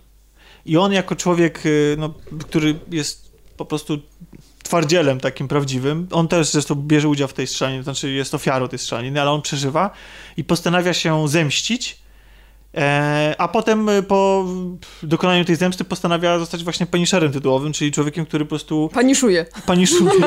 czyli na, na, najbardziej się spełnia y, jakby wtedy, kiedy trzyma lufę swojego shotguna w ustach jakiegoś przestępcy i pociąga za spust. To znaczy w serialu trochę też ten wątek poruszono na początku samym, w pierwszym odcinku, ponieważ bohaterowie wspominają, różni bohaterowie, że on zajmował się wyżynaniem mafii, ale już wyrżnął prawie całą mafię i już teraz No ile Nie można? ma, nie ma wiele do nie ma roboty. mafii. Najszczęśliwsze miejsce na świecie. Stany Zjednoczone bez mafii. No ale zgadza Ale z się, jest coś takiego no. na początku samym, Tak, jest- że jest, jest- wspominane, że on zajmował się, y, Że bardzo długo tych ludzi wy, wyżynał, aż w końcu ich wszystkich był wyrżnął. takim e, Punishero Robin Hoodem, który zabijał złych. E, nie, przepraszam, to jak tym, jak Dexter. To znaczy właśnie, Zabijał złych. Tak, i właśnie porównanie do Dextera jest bardzo, mm, bardzo, bardzo trafne, bo Punisher z biegiem lat, jak się przy, przyglądamy tej postaci, to to jest człowiek, który przede wszystkim, e, że wydaje się po latach, mówię o tym komiksowym Pan- Punisherze i o tym jego oryginalnym originie, bo przez to, że e, co prawda o, o, konkretne osoby odpowiadały za śmierć jego rodziny, ale one zginęły w sposób przypadkowy. To jego zemsta tak naprawdę nigdy nie mogła być dokonana do końca.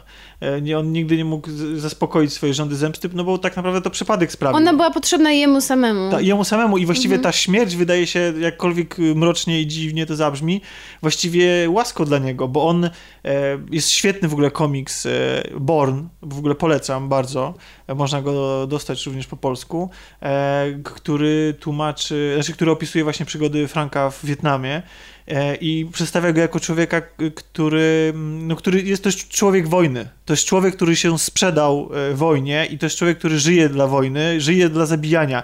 Więc on tak naprawdę w komiksach jest, no czy oczywiście z biegiem lat to się zmieniało, ale to jest tak naprawdę człowiek, który w pewnym momencie traci absolutnie wszystkie ludzkie odruchy i ta jego misja jest, y, no jakby ci- ciężko go traktować jako bohatera, to jest antybohater w pełnym znaczeniu tego słowa. Absolutnie. Ale kiedy o tym mówisz, to mm, też zauważam odniesienia do tego w serialu. tak, E, a- Kiedy em, pojawiają się retrospekcje rozmów bohatera z żoną, jest sytuacja, że ona go pyta, czy jest nadal tam, czy jest tutaj i czy woli być tam i czy, czy woli być z nią. I e, jest też, on też żałuje tego, że, mm, że jego życie wcześniejsze wyglądało tak, a nie inaczej, że on bardziej oddawał się wojnie niż rodzinie.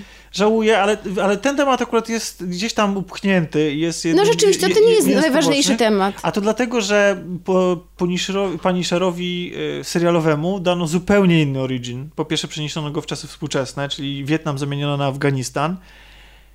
Ale moim zdaniem to jest To znaczy, Dobry zabieg. To znaczy, ja chciałem tylko po prostu zaznaczyć, Mhm. że bo ja, to, jest, to jest seria komiksów które ja mogę powiedzieć z czystym sumieniem, że byłem fanem, to znaczy wszystkich innych tam Spider-Manów, X-Menów i tak dalej raczej nie czytałem od przypadku do przypadku, natomiast w Punishera byłem naprawdę wciągnięty. Czyli jesteś trufanem. Znaczy no, człowiekiem, który się wychował z Punisherem. Więc... Ja może też bym się wychowała z Punisherem, gdyby nie to, że każdy komiks, e, pamiętam te, ten moment, jak stwierdziłam, bo chyba gdzieś koledzy w szkole, czy, czy gdzieś tam powiedzieli, że Punisher, super komiks, o, więc ja stwierdziłam, że muszę przeczytać, skoro taki super komiks. No i kupiłam sobie jakieś tam kilka zeszytów, po czym jak moja mama zobaczyła te komiksy i je otworzyła, to wszystkie mi pochowała i powiedziała mi, że zabrania mi tego kupować. I mimo tego, że całkiem mi się podobało, pamiętam to, co czytałam, to z- zabroniono mi przynosić te komiksy do domu. Więc trochę je podczytywałam w szkole, aczkolwiek... Znaczy teraz trochę rozumiem moją mamę, wtedy byłam strasznie zła, ale tak. Więc nie zostałam z, za młodą fanką pani Czyli rozumiem, e, komiksy były bardzo brutalne także. Znaczy były, wydaje mi się, że były, znaczy trudno mi to ocenić z perspektywy czasu, bo nie wiem też, co, co moja mama określała wtedy jako brutalne, aczkolwiek były takie dość e, dosłowne w traktowaniu niektórych wydarzeń i faktycznie tam e, jakieś flaczki się znalazły gdzieś czasem. A to ja jako znawca, co młoda. powiesz? Absolutnie, czyli czytając teraz, ja jestem w szoku, że coś takiego się ukazywało i to było do- dostępne do, e, w kioskach normalnie dla dzieciaków. I To to jest, czytały dzieciaki. to jest ta, wiecie, najbardziej, naj- najzabawniejsze jest to, że tam autentycznie są bardzo realistycznie i, znaczy realistycznie, naturalistycznie pokazane sceny przemocy, natomiast, natomiast są y, krzaczkami przekleństwa zapisane, wiecie. I to jest, No bo wiadomo, nie można uczyć przekleństw. tak, ale po prostu... Ale przemoc już spoko. Ale, ale wiecie, Przemoc naj, jest- najlepsze jest przemoc to, że, jest że się obracał w środowisku, wiecie, gangsterów, dziwek, e, no jakby totalnie, totalnie takich y, nizin społecznych, marginesów i tego brudu i syfu ulicy i, i naprawdę, i, i on wygłaszał takie monologi natchnione o tym, jak on czyszcza i zbawia świat z tych szumowin. No więc to tak, to było dziwne. Tym, znaczy, I tak jak kocham postać Punishera, tak prawda jest to, że to jest postać, której wystarczy pary na co najwyżej dwa filmy fabularne. Y, Bo to jest postać, y, która, e, kiedy dojdziemy do wniosku, że on jest już po prostu jest tą chodzącą śmiercią, że sam w sobie jest po prostu jest wrak, to nie jest człowiek już właściwie, tylko chodząca maszyna do zabijania i właściwie robi, robi to nie wiadomo po co. Jest takie błędne koło jego życia. Ale dobrze mu idzie, więc Tak, tego to w, w, robi. tym, w tym jest super. To właściwie o tej postaci niewiele e, możemy powiedzieć i o, oczywiście możemy za pomocą tej postaci odzwierciedlać świat zewnętrzny, to jak reagują na niego różni ludzie, ale myślę, że opowieści o zemście mieliśmy w, chociażby w kinie bardzo dużo. I o, o samotnych mścicielach i tak dalej. To nie jest rzecz, y, Samotny mściciel. którą, którą, którą kino nie przerabiało na wszystkie możliwe Czyli sposoby. wynika z tego, że dobrze, że twórcy serialu dołożyli do tego inny wątek, jakieś dodatkowe motywacje, no bo jest tutaj motyw rodzinny, Tak, ale... ale jest też zupełnie inny motyw. W związku z dlatego, tym... dlatego też ja tego nie potępiam jako fan Mhm. Punishera. Zgadzam się i absolutnie też to zauważyłem. To nie jest Punisher z komiksów, to nie jest mój Punisher. Tylko prawda jest taka, że jak były ekranizacje Punishera, były trzy. Z Lundgren- Lundgrenem, Tomem Jane'em. Jane'em i e, z trzecim panem, którego nazwiska nie, nie, nie, nie, sobie nie przypomnę, ale nazywa się Warzone, to ten z Warzone był najbardziej taki podobny do tego komiksowego, natomiast każdy gdzieś tam, znaczy ktoś, kto się zabiera za Punishera, próbował mu nadać jakieś rysy, nadać mu jakąś taką czytelniejszą tą zemstę, ponieważ po prostu ta postać szybko by się znudziła. I tak jak powiedziałaś tutaj, Kasiu, tutaj mamy zupełnie nowe wątki, bo nagle się okazuje... Nowe wątki, nowe motywacje. Tak, że okazuje się, że przeciwnik i odpowiedzialni ludzie za śmierć jego rodziny są bardzo konkretni i że to była rzecz celowa. I są odpowiedzialni nie tylko za to, ale również za No za dużo większe zbrodnie, powiedzmy. zbrodnie, o właśnie, Tak. za inne zbrodnie. E, I to dostarcza jemu oraz innym bohaterom e, właśnie dodatkowej motywacji do wytropienia tych ludzi tak. i zlikwidowania ich. A w misji tej pomaga mu, znaczy zjednoczy się trochę wbrew na początku y, samemu e, Punisherowi, Micro. Postać też znana z komiksów, e, jego taki Przydupas. No, znaczy taki ktoś, kto siedzi w bazie i, mu- i mu- no, taki Nie, ja, ja po prostu bardzo lubię to No, określenie. Ale to coś jak Oracle u Batmana. Tak, no to jest taki ten, ten, ten siedzący w bazie, jak w ostatnim Spider-Manie się z tego śmiali, że, e, że to jest człowiek, który siedzi na krześle przed komputerem i... Ale e, właśnie, mam... Ale on tam nie e, tylko siedzi w bazie, on czasem wychodził z tej bazy. Tak, już ale ja jakby, mówię o mikro- jakby już siedział w tej E, mam, bazie. mam jedną uwagę, bo właśnie Piotrek powiedział mi, że w komiksach ten Micro, czy tam Mikro zupełnie inaczej wyglądał, że był Był- takim typowym, schematycznym nerdem, który był gruby, Otyły, tak. W okularach, tak? Tak, I tak, tak. Bardzo fajnie, że w filmie zostało to zmienione, bo wiadomo, no, nie lubimy, kiedy jedzie się po schematach, bo to jest takie nudne, ojej, No wiesz, znowu. f- fani ekranizacji, czy fani pierwowzoru chcieliby, żeby ekranizacja była jak No tak, najwierniejsza ale jak znowu byśmy zobaczyli grubego nerda przy komputerze, to, To byłoby znowu by było, e, to nerdzi, samo. znowu grubi, Tak. znowu to I, samo. I dlatego No, też ta zmiana mi się podoba. Mi też się bardzo Bo podoba. Tutaj e, Mikro jest hakerem, ale jest też człowiekiem, który mm, z jakiegoś powodu musiał opuścić swoją rodzinę, która nie wie o, o tym, że on żyje. I próbuje, jego celem teraz jest nakłonienie pani Shera do tego, żeby razem zjednoczyli siły i To znaczy, razem... możemy powiedzieć, że opuścił rodzinę po to, żeby ją chronić. No tak, tak, tak. Celem teraz jego jest nakłonienie pani Shera do tego, żeby razem zjednoczyć siły i po prostu się zemścić, tak? Żeby wymierzyć tą sprawiedliwość, ponieważ Micro jest w posiadaniu materiałów obciążających e, pewną grupę ludzi. Ale mamy też jeszcze jedną osobę, której zależy na może nie zlikwidowaniu, ale pociągnięciu do odpowiedzialności dokładnie tych samych ludzi. Tak. Jest to policjantka. Która również Madani. wróciła z Afganistanu, tak jak e, pani Sher. E, I która też prowadzi swoje własne śledztwo e, w sprawie e, nadużyć, no, nieprawidłowości, być może zbrodni wojennych, które miały miejsce w Afganistan. Afganistanie. Jest to wątek, który jest bardzo łatwy do przewidzenia, prawdę mówiąc, i to jest taki dosyć, dosyć oczywisty. I zamienia on trochę tą historię z takiego kina zemsty na coś bardziej szpiegowskiego, w stylu Homeland To się też może chciałam bardziej. powiedzieć, coś jak Homeland. Tak, też mi się O, zresztą pracuje Homeland. dokładnie ona w minist- e, Ministerstwie Spraw Wewnętrznych, czyli Homeland. Więc nagle, więc nagle z mafijnych klimatów e, przenosimy się w, do biur agencji rządowych, spisków, e, e, różnych tajemniczych organizacji, działań zakulisowych. Ale to jest właśnie fajne, że mnie się to bardzo podobało, bo ja lubię klimaty szpiegowskie i właśnie tego typu różne spiski, e, że dos- została tutaj e, wprowadzona druga warstwa, ale jednocześnie ten wątek zemsty, bardzo krwawej zemsty, cały czas, e, cały czas się mm, Przewija. przewija się i chodzi, nie czy chodziło mi o to, że się wiąże z tym wątkiem spiskowym i cały czas one są ze sobą powiązane. I, I świat w ogóle nagle pani Szera się też, e, jak już jesteśmy przy różnicach, w ogóle strasznie zaludnił, bo już wspomnieliśmy tutaj chociażby o, o tym, że, że mamy tych agentów i śledzimy ich poczynania. Bo pani Szera działali z mikro, byli samotni i oczywiście na swojej drodze mieli arcywrogów, e, jak to w komiksach, mieli... e, Pani Szer to zadebiutował jako antybohater i przeciwnik Spidermana, więc to jest tak, że pani Szer często się konfrontował e, z bohaterami, którzy nie zabijają, tak? Często działał w tej samej sprawie, tylko że chciał inaczej wymierzyć tą sprawiedliwość po swojemu. Czytaj shotgunem. Tak, więc to nie, to nie jest tak, że był takim totalnym samotnikiem. Albo nożem. Albo nożem. Ale mam wrażenie, że tutaj po prostu, że świat pani Szera się, y, że, że, że z tego samotnika jest wciągnięty w jakąś taką kawalkadę y, zależności towarzyskich, no bo nagle się okazuje, że Ale wiesz co, to była jedna z moich myśli. Ile on ma tych kumpli jeszcze? Zawsze ten się pojawia jakiś stary kumpel gdzieś tu niby jakimś tym przypadkiem, tu jakaś koleżanka, tu Bo coś jeszcze tam. jednym z ważnych bohaterów jest e, jego też e, kolega przyjaciel. z wojska, przyjaciel. Właściwie to nie jeden, bo Jest- kilku. Ale mm, myślę, że Głównie jednym jeden, z tak? najważniejszych jest ten, który prowadzi e, spotkania, ale nie o tym mówię. Mówię o tym, który prowadzi Przepraszam. spotkania e, dla żołnierzy, e, którzy cierpią z powodu stresu e, pourazowego. On się przewija przecież przez cały serial. Moim zdaniem jest jedną z tych najważniejszych. E, Tak, i jego drugi kumpel, czyli e, Przyjaciel z wojska. Billy Russo, Tak. Tak. Russo e, i też kolejny przyjaciel z tego samego oddziału, bo oni chyba wszyscy razem w jednym oddziale służyli i on teraz e, obecnie jest biznesmenem i prowadzi firmę szkoleniową. Jest jedynym, któremu się tak naprawdę powiodło w życiu. Faktycznie pojawiają się ci przyjaciele. Ja się też zastanawiałam, że tutaj niby nikt nie wie o tym, że pani Sher tak naprawdę żyje i tak niewiele ludzi mu zostało na tym świecie, ale jednak całkiem spore ma No to grono właśnie, i on wtajemnicza kolejne, kolejne osoby. I to jest trochę dziwne. Znaczy, y, mówisz o Znaczy, tym... pani że, że, że wtajemnicza w to, że on żyje i że funkcjonuje i że mm, w pewnym momencie zaczęłam się zastanawiać, jak bardzo ten krąg się jeszcze poszerzy.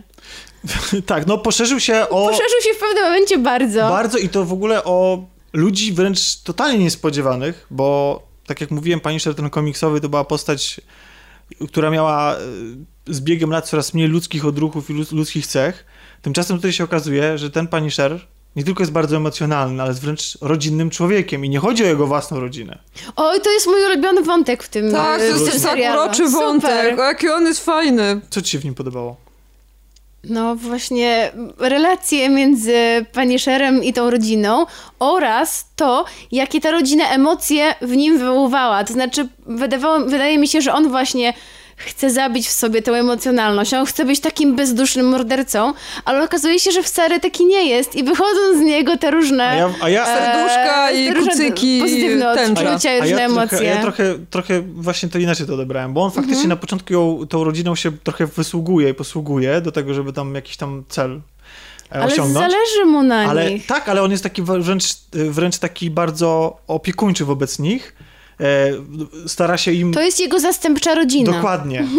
I w ogóle i Oni, oni czerpią korzyści z tego, że w ich życiu jest mężczyzna, który może pomóc jest im naprawić ojciec. kran. Dom, dom, czy ojciec, skarb czy głowa syna. rodzina, tak, głowa rodziny. Tak, a z drugiej strony oni są dla niego zastępczą rodziną, e, którą on stracił. Znaczy on bardzo o nich dba i to przecież jest zresztą tak, że niejednokrotnie właśnie przez wzgląd na nich postanawia coś zrobić, czego by pewnie nie zrobił. Tak już nie, nie mówiąc tutaj, nie sypiąc spoilerami, to, to faktycznie tak jest, że oni dla niego też potem się stają takim motorem napędowym. Ale ja odebrałam trochę ten wątek podobnie jak Kasia właśnie, że, że to jest taki moment, że on niby chce w sobie zabić te, te odczucia, ale, ale tak, tak blisko jest z tą rodziną i, i właśnie przez to, że ona jest w jakiś sposób podobna do tej jego rodziny, tak? To być może. To, to tak troszeczkę nie udaje mu się zostać tą maszyną do zabijania bezduszną. E, Wiesz co, e, tak, być może ta rodzina ratuje go e, przed tym wszystkim, przed tym właśnie, żeby przekroczyć tę granicę, ale ja prawdę mówiąc e, trochę inaczej to odczytywałem, bo mi się strasznie podobał cały ten trójkąt rodzinny, to znaczy on w miarę tego, jak się do tej rodziny zbliżał, no to... Bo to była w ogóle, to jest dla mnie zaskakujące. Ja sobie dopiero będąc dorosłym i po latach sobie zdałem sprawę, że y, o ile inni bohaterowie uprawiali seks i w ogóle mieli Relacje z innymi. relacje z innymi, to pan Sher ich w ogóle nie miał. To był całkowicie taki... No bo on jest wierny swojej żonie. No tak, Ale ale... jest wierny swojej broni. Natomiast tutaj, no wiesz, no to on się zbliża do tej rodziny i on tutaj, Znaczy, on, no, mało tego, on jest- tutaj w ogóle wchodzi w taką relację bliską nie tylko y, z jedną kobietą, ale z kilkoma. No, jest tutaj taki bardzo... Mm, e, czuć chemię między nim y, a, a, a innymi postaciami. No, bo tam pojawia się jeszcze w tym serialu jego przyjaciółka. To, czy to jest dziewczyna Daredevila, tak? Y, No to zależy, nie, nie będziemy chyba tak, ja nie wiem czy możemy spoilować, ale to, bo w innym serialu już, już nie jest i to jest A, to, tak, skom- wiesz... to skomplikowane. To To jak już nie jest dziewczyną Daredevila, to może być dziewczyną Punishera. Tak. i Oni właśnie- do siebie i wa- świetnie pasują. I właśnie Piotrek tak się przejmował, mówi, nie, on nie może z nią być, przecież ona jest nie jego, ona jest Daredevila. Nie, a ja mówię, słuchaj, no przecież to przyjaciółmi. jest- Daredevil jej nie chce Team już. Elektra, no.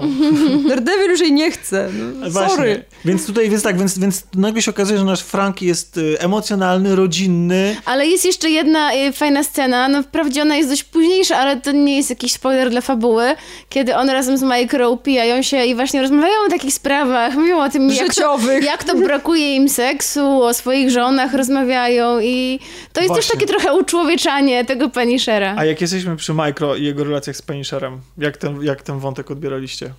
Podobał mi się. Bo to jest bardzo trudna przyjaźń na początku. Tak, Trudna- bardzo ale- trudna przyjaźń. Problemem tutaj moim zdaniem było to, że Punisher na początku nie wiedział dokładnie, czego ten Micro od niego chce. Czy on chce go zabić, czy on chce mu przeszkodzić, czy on został nasłany przez kogoś. Bo Micro, bardzo prawdę dużo- mówiąc, się zachował bo- tak, że sam, sam miałem ochotę po głupio prostu wejść do telewizora tak. i przywalić czasami, nie? Tak, Ale- ja dokładnie też. Pierwsze, pierwsze co myślałam, to żeby go tak trzasnąć przez ten To nie kudłaty tylko łeb. chodzi o zaufanie, ale- on chyba nie chciał, on chciał zrobić to wszystko sam. e, on to po pierwsze, bo on też mówił, że on nie pracuje z ludźmi, Tak, ale tak. mi się wydaje, że on też się bronił trochę przed tym, że nawet jak ten Micro miał wobec niego jakieś takie ludzkie odruchy, to, to on tak nie za bardzo. W sensie, żeby, żeby czasem, może tak mi się wydaje, że to mogło wynikać z tego, że on generalnie nie chciał się przywiązywać w żaden sposób, bo wiedział, że to też nie jest taki, że, że, że się nie przywiąże, tak, i, i coś w tym stylu. Trudna, Znaczy, szorstka, jest, męska e, przyjaźń. Trudna, szorstka, męska przyjaźń, ale ja chciałam powiedzieć Ale właśnie też a bardzo propos... ciekawie budowana. Tak, Tak. dość... Wiem, że może to zabrzmi dziwnie, ale też właśnie wydała mi się taka realistyczna, że nie, bo często w filmach mamy taki motyw, że nienawidzą się ci Bro. bohaterowie i nagle już się super lubią, a tutaj było to Bo ich matki mają na imię Marta. Przepraszam, tak. Moim zdaniem bardzo dobrze, że zostało pokazane to, jak buduje Tak, się ich relacje. absolutnie. Tak, to było super i to autentycznie dla nich mi się chciało tylko oglądać ten serial na początku. Zwłaszcza, że mamy, znaczy twórcy mieli na to czas, bo serial trw- No. ma 13 odcinków i niestety moim zdaniem o 5 odcinków za dużo. Bo Dlaczego? Zgadzam się, ja się zgadzam. Ja też. się nie zgadzam, absolutnie. E, Niektóre, czy nie wydało nie, nie, ci nie, się, nie, że nie. niektóre sceny, niektóre rozmowy, czy ja miałam takie momenty, że chciałam oglądać, byłam ciekawa, co będzie dalej, ale na, tak jak rzadko to robię, miałam takie momenty, że patrzyłam już na komórkę, coś tam sobie klikałam, Ja bo właśnie była ani jakaś razu. rozmowa, która To wydała mi się, niepotrzebna. To mi się zdarzyło pierwszy raz od dawien dawna, nawet przy Star Treku wyciągałam komórkę kilka razy, przyznam się szczerze. Przy pani Szerze wyciągnęłam komórkę tylko raz, bo dzwoniła. Ale ani razu po prostu siedziałam, wszystkie te dialogi chłonęłam, po prostu wszystkie te rozmowy, wszystkie te jakieś takie smaczki, co nie mogłam oderwać się od ekranu. Naprawdę. I sama byłam w szoku, bo mnie jest generalnie łatwo znudzić, jeśli chodzi o seriale. E, I łatwo mnie jest tak rozproszyć też, że To jak już coś się ciekawego nie dzieje, to coś to odpuszczam. I Ja- przy wszystkich chyba serialach tak miałam. Nawet przy Westworld mi się zdarzało sięgać po komórkę, bo właśnie mówiliśmy teraz o Westworld. A E, nie i- wydaje ci się, że osiem odcinków właśnie to byłoby, bo Znaczy, mam wiesz takie... co, to nie jest, gdyby było osiem i byłoby to dobrze rozpisane, to pewnie nie, nie zauważyłabym tego, że nie, nie, nie twierdziłabym, że jest ich za mało. Ale wydaje mi się, że przez to, że mieliśmy więcej odcinków, to ci bohaterowie są po pierwsze lepiej zbudowani, trochę lepiej rozumiemy ich motywację, trochę mamy więcej czasu, żeby się do nich przekonać i przyzwyczaić.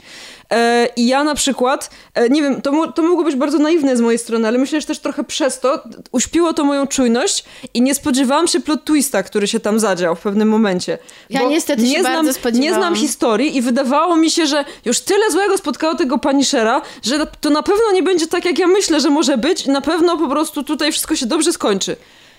Nie będziemy mówić, jak się kończy. E, Nie, Nie ale chciałam powiedzieć jedno a propos kończy. długości, że e, przy, na przykład przy Stranger Things miałam tak, że kiedy serial się już kończył, to ja sobie myślałam, nie no już, jeszcze bym chciała być w tym świecie. A mnie właśnie a tutaj, Stranger Things drugi sezon znudził, już mi się Ale wiecie co, a właśnie ja miałam tak z Punisherem, że myślałam, fajnie, fajnie, ale dobra, ale ile jeszcze? Już myślałam, Że jeszcze pięć 10? odcinków? Dobra, poczekam. I jeszcze trzy odcinki? W sensie, no nie wiem, już, już było to dla mnie za długo. Chciałabym, żeby to było bardziej e, skondensowane. To, ja że- muszę to- iść. No dobrze. Ale to chciałeś Tomek powiedzieć. Pożegnam się, chciałam powiedzieć, że ja polecam Punishera. Dziękuję. Dobrze, cześć Ania. My jeszcze dokończymy, o pani szczerze. To, że ten serial jest rozwleczony, to oczywiście można mu to zarzucić, ale prawda jest taka, że też dzięki temu y, ma szansę poruszyć wątki, które mogą być dosyć zaskakujące i w ogóle skierowanie tego serialu w tą stronę jest dosyć zaskakujące. Mianowicie, ponieważ mamy tylu żołnierzy i obracamy się w tym środowisku, to e, bardzo silnym wątkiem jest wątek PTSD, czyli po stresu Zespołu stresu pourazowego. To mi Wśród się bardzo żołnierzy. podoba, tak. Bardzo mi się podoba, że ten wątek został w ogóle poruszony. Oglądałam jakiś dokument kiedyś, to jest bardzo duży problem. Także wśród żołnierzy, którzy, wraca, którzy wracają z Iraku, Afganistanu, gdzie wydaje nam się teraz, co to za wojna, przecież nic takiego tam się nie dzieje. E, nie siedzą, nie wiem, w okopach. Ale tak naprawdę ci żołnierze e, bardzo cierpią z tego powodu i ich rodziny także. To jest straszna choroba, bo przeżywają właśnie całe Czy otoczenie właściwie chorej całe osoby. życie mają ustawione po to, prawda? I to jest, i to jest y, w ten serial poświęca temu bardzo dużo uwagi, bo pokazuje grupy wsparcia, e, pokazuje jak sobie ludzie, jak, jak, jak właściwie jak, jak toczy się kariera ludzi po, po skończeniu służby wojskowej. Jak niektórzy sobie z tym radzą, jak niektórzy sobie nie radzą bardzo. Dokładnie. Jest jeden wątek, który wręcz e, dojrzewa przez cały serial, który, gdzie, gdzie, gdzie jeden z bohaterów jest e, e, ewidentnie człowiekiem zagubionym i któremu właściwie nie jest udzielona w żaden sposób pomoc, tak? I, i który... To znaczy ten wątek trochę był taki e, może schematyczny, trochę przewidywalny, bo od pewnego momentu wiemy, Tak, że coś stanie. takiego się wydarzy. E, ale no i tak moim zdaniem właśnie świetnie, że, że w ogóle taki serial jak Punisher próbuje poruszyć ten wątek. I on to traktuje w ogóle na poważnie. To jest naprawdę taki sposób dramatyczny. Zresztą ym, to, to jest y, serial, który właściwie też, y, to, to akurat można było się spodziewać po nim, podejmuje nie tylko właśnie ten wątek y, tego stresu pourazo, pourazowego i tego, jak, jak układają sobie żołnierze po skończeniu służby życie, ale też z racji tego, że no cóż...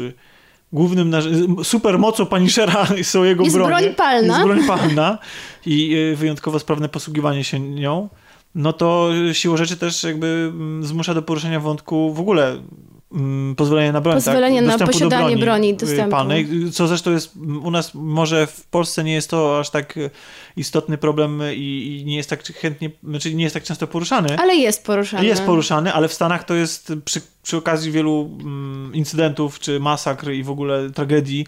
No i w ogóle non stop jakby to, to jest bardzo istotny problem polityczny, gdzie się ścierają siły, gdzie, gdzie No ludzie tak, o ale chyba nie spodziewalibyśmy się usłyszeć o tym problemie właśnie w takim serialu, gdzie główny wiem. bohater e, zabija. No tak, ale wiesz, ale to jest ciekawe, że on tutaj się pojawia i jest, uwaga, mam wrażenie, bo generalnie Netflix jest lewicowy.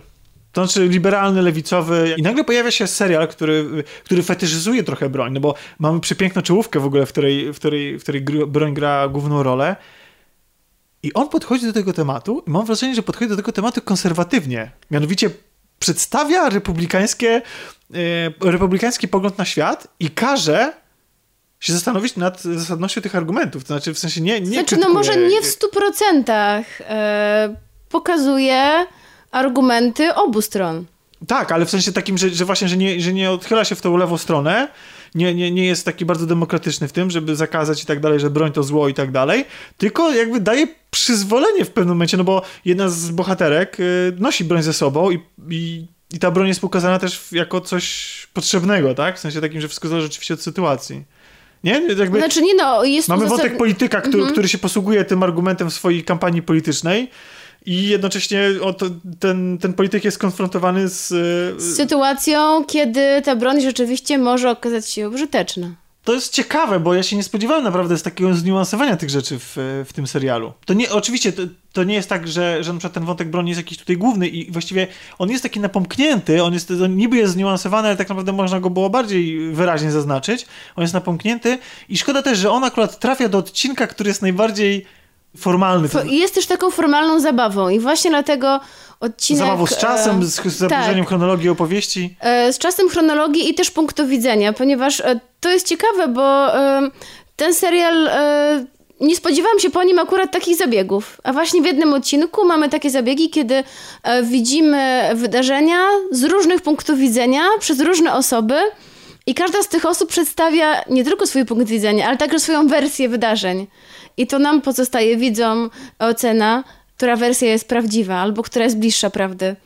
No tak, nie jest to nic takiego super nowego, ale i tak miło to zobaczyć. Nie jest to super nowe, ale w takim sztampowo prowadzonym serialu jest coś miłego, odświeżającego, zaskakującego. Zwłaszcza, że do tej pory seriale Netflixowe i takie super odcinki się kojarzyły nie z takimi zabiegami narracyjnymi, tylko z tym, że była ostra jadka i zajebista scena w korytarzu, gdzie tam się Daredevil Tak, naparza, tak. czy chociażby scena z więzienia z Punisherem. I tutaj, jak już jesteśmy przy takich scenach, ten serial jest trochę mniej widowiskowy i prawdę mówiąc, to nie za dużo jest tutaj tego strzelania i, i biegania i tych wybuchów i tej akcji.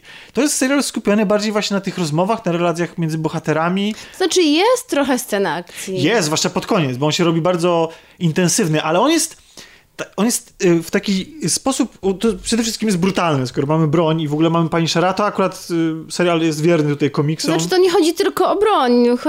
Przemoc ogóle. jest w ogóle bardzo pokazana, bardzo realistycznie. Jeśli ktoś komuś strzela w głowę, to ta głowa się rozpryskuje. Tak, nie ma E, gdzieś tam, nie, nie, kamera nie I odwraca to, wszystko, wzroku. I to wszystko jest pokazane, dosłownie. Wszystko jest pokazane, ale też mamy takie sceny, które mi przywołują na myśl ekranizację z Tomem Jane'em, e, gdzie ta przemoc e, była taka mm, ona atakowała nas z ekranu przez to, że była, b, b, b, trwała bardzo długo i była taka bardzo powolna, to znaczy to nie było tak, że po prostu, że pani Szer- czy tam ktoś szedł i po prostu zabijał kolejne osoby brutalnie, tylko po prostu byliśmy świadkiem tortur, znęcania się, gdzie pojedynki pomiędzy bohaterami były bardzo, bardzo takie siłowe, gdzie oni w zwarciu bardzo dużo ze sobą walczyli i one też były bardzo brutalne i oni za- za- zadawali ból. I to jest i tutaj mamy, zwłaszcza pod koniec, to, to pod koniec- tego.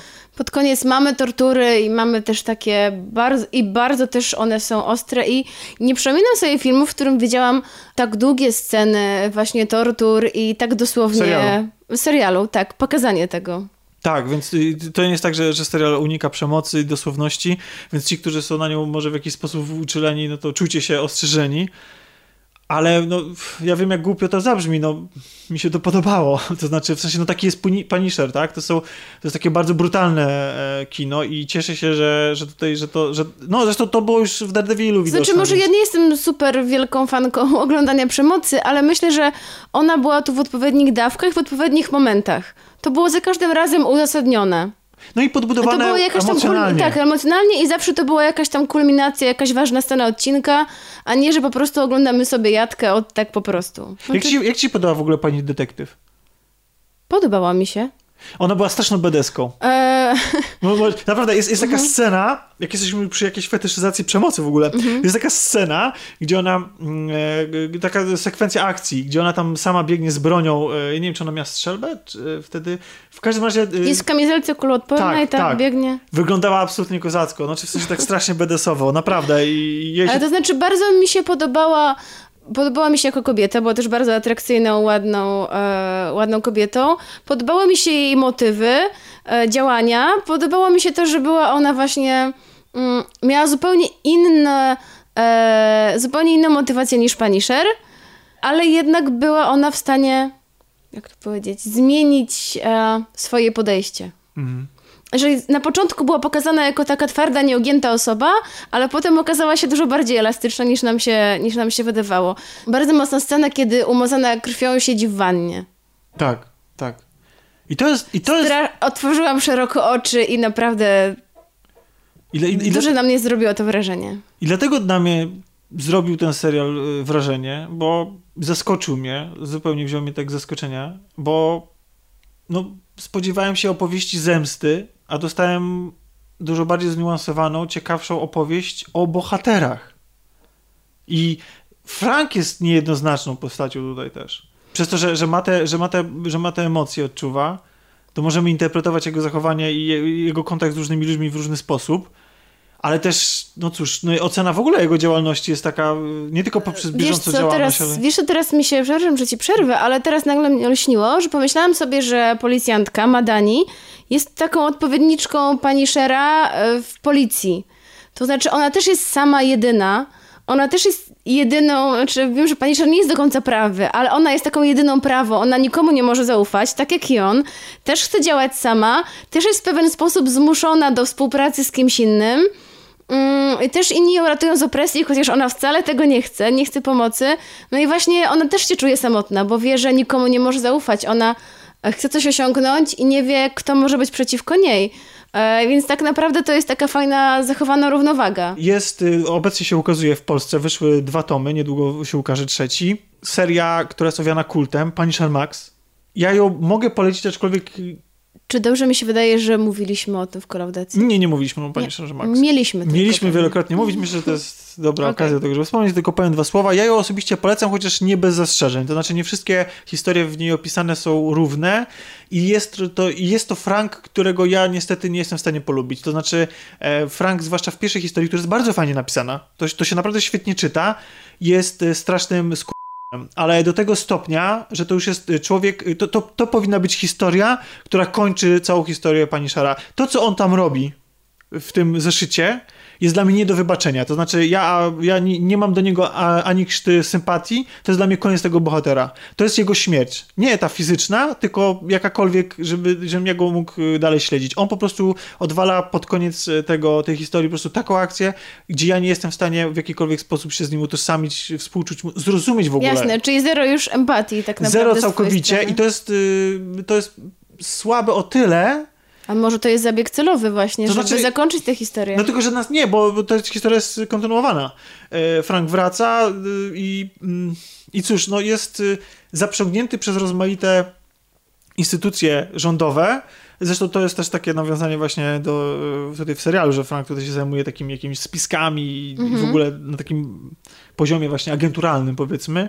E, To, to właśnie to, to, to jest Czyli wykorzystywane... staje się trochę takim hitmanem, nielegalnym. Wiesz to, on tak, jest, jest wykorzystywany do tego, żeby walczyć z terrorystami, bo Max się okazywał po 11 września. Frank nagle z samotnego mściciela, który wyżyna mafię, zamienia się w człowieka, który jeździ po świecie i wykonuje misje dla rządu Stanów Zjednoczonych e, i walczy z terrorystami poszczególnymi. I muszę przyznać, że y, no, są słabsze historie, są bardzo fajnie napisane. Jest świetna historia, która się rozgrywa, rozgrywa w Rosji. Naprawdę, bardzo, bardzo fajnie się to czyta. No tylko też to nie jest taki właśnie do końca Punisher, jak, jakiego ja tam znam, no ale nie mogę przebolić, nie mogę darować im niestety tego, tego pierwszy, pierwszej historii z pierwszego tomu. To jest po prostu, to dla mnie to jest śmierć tego bohatera. Znaczy, gdyby się tak zakończyła cała historia, okej, ale ona jest dalej kontynuowana, ja już tak... No Frank niestety, ale jesteś strasznym dupkiem i tym razem jeszcze nie mogę cię usprawiedliwić ani wybaczyć w jakikolwiek sposób. Ale y, cóż... To może w takim razie powinniśmy mieć nadzieję, żeby twórcy serialu nie sięgnęli po ten wątek. Może po uczynieniu go... Bo wiadomo, że wróci pani w serialu. Tak, będzie Że będzie sezon? druga seria. Ja się cieszę, ja się cieszę. No, jeżeli z niego zrobią, uderzą w ten sposób, w tą stronę, że, że on się stanie właśnie coraz mniej ludzki, że teraz właśnie dodane e, mu zostały te emocje i, i ta, ta jego rodzi, rodzinność, tak, w sensie takim, że te, te wszystkie rodzinne sytuacje, po to, żeby mu je później odbierać, odebrać, odebrać ja, to, ja to zrozumiem, nie? Tylko, że to właśnie, tylko, że wtedy znowu się to stanie postać i, i motyw, który bardzo szybko się zgra. Bo to jest po prostu, Punisher jest dobry, tylko po prostu w takiej dawce, żeby mm -hmm. go poznać. Tak, bo to może trochę, może trochę zamienić się w Johna Wicka, czyli zabijmy mu kolejnego pieska, e, żeby dać mu, znaczy to oczywiście w cudzysłowie, mm. wiesz o co mi chodzi, żeby e, zmusi go spotkać jakaś tragedia, żeby on się stał coraz twardszy no właśnie, no i... i coraz właśnie bardziej bezduszny. Także słuchajcie, jeśli nie lubiliście y, seriali Netflixowych, zwłaszcza tych ostatnich Defenders, moim zdaniem można polecić ten serial. Mówię to ja, osoba też, która nie przepada za, za tymi superbohaterskimi e, serialami i też jestem osobą niewytrwałą w serialach. To znaczy, jeśli coś nie za bardzo mi się podoba, to przerywam i e, nie cisnę na siłę do końca. A pani Shera naprawdę z dużą, dużym zainteresowaniem i ciekawością w jedną noc i jeden dzień. Tak naprawdę wszystkie odcinki obejrzałam. Więc myślę, że to też jest dobra rekomendacja. I Tomek mam... jako fan e, Punishera komiksowy, ja jako osoba, która nie miała dużego pojęcia o tym, o tym bohaterze, oboje rekomendujemy. W związku z tym... Rekomendujemy, tak. Tak, aczkolwiek no z tym może to być, może to być e, dla każdego, wyłączając osoby, które są wrażliwe na przemoc, bo jest, są tam bardzo, bardzo naprawdę mocne sceny. Tak. Ja jeszcze widziałem e, Suburbicon. A, okej. Okay. To może też... Wiesz co, ten film już schodzi, ja prawdę mówiąc to, to nie jest najlepszy film Coenów, ani Clooney'a, bo to on mhm. go wyreżyserował. A oni produkowali? I, i chyba napisali scenariusz, okay. dobrze pamiętam. I to jest taka historia typowa dla Coenów, wręcz taka... Są tacy twórcy, którzy... Ja dzielę twórców na, na dwie kategorie.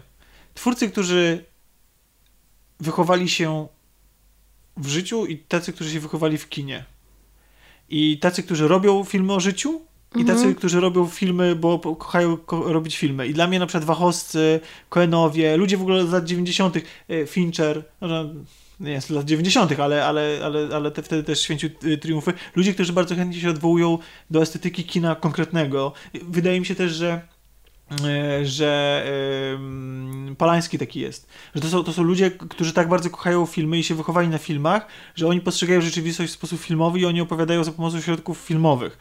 E, I i Coenowie to są właśnie tacy ludzie, tak? Którzy. Prostu, którzy rzeźbią w materii filmowej. No oczywiście są, jedni są mniej wybitni, drudzy, drudzy bardziej. I tutaj jest tak, że oni chyba trochę zaczęli rzeźbić e, w materii Coenowej. To znaczy z, zrobili film o znowu jak Fargo właściwie, gdzie mamy historię ludzi, prostych ludzi, którzy w zidiociały sposób próbują poprawić swoje życie, przez co sięgają po środki z którymi wcale nie są w stanie się zmierzyć, czyli nagle wstępują na jakąś drogę morderstwa albo jakiegoś przekrętu i chcą po prostu zgrywać cwaniaków. Czyli po raz kolejny, bo oni już nie jeden raz ten temat poruszali. No tak, no mieliśmy, no to jest taki typowy dla nich, y, typowy dla nich wątek, gdzie po prostu, gdzie postać grana przez mm, e, przez e, Mata Demonta nagle próbuje przycwaniakować i, i, i nawiązuje kontakty z drobnymi przestępcami e, i w wyniku tego to oczywiście prowadzi do jakiejś serii tragedii i on nie jest w stanie później się w tym wszystkim odnaleźć, co obraca się przeciwko niemu. No widzieliśmy to w filmie Coenów już wielokrotnie. Widzieliśmy, ale z drugiej strony brzmi to nadal ciekawie, to znaczy ja lubię ten motyw i lubię też Coenów. Tylko, że on jest tutaj strasznie przewidywalny, mhm. to jest raz, a dwa, że tak, oczywiście jest fajnie zagrany, to jest fajnie napisane, a dwa, że on jest zestawiony na siłę wręcz.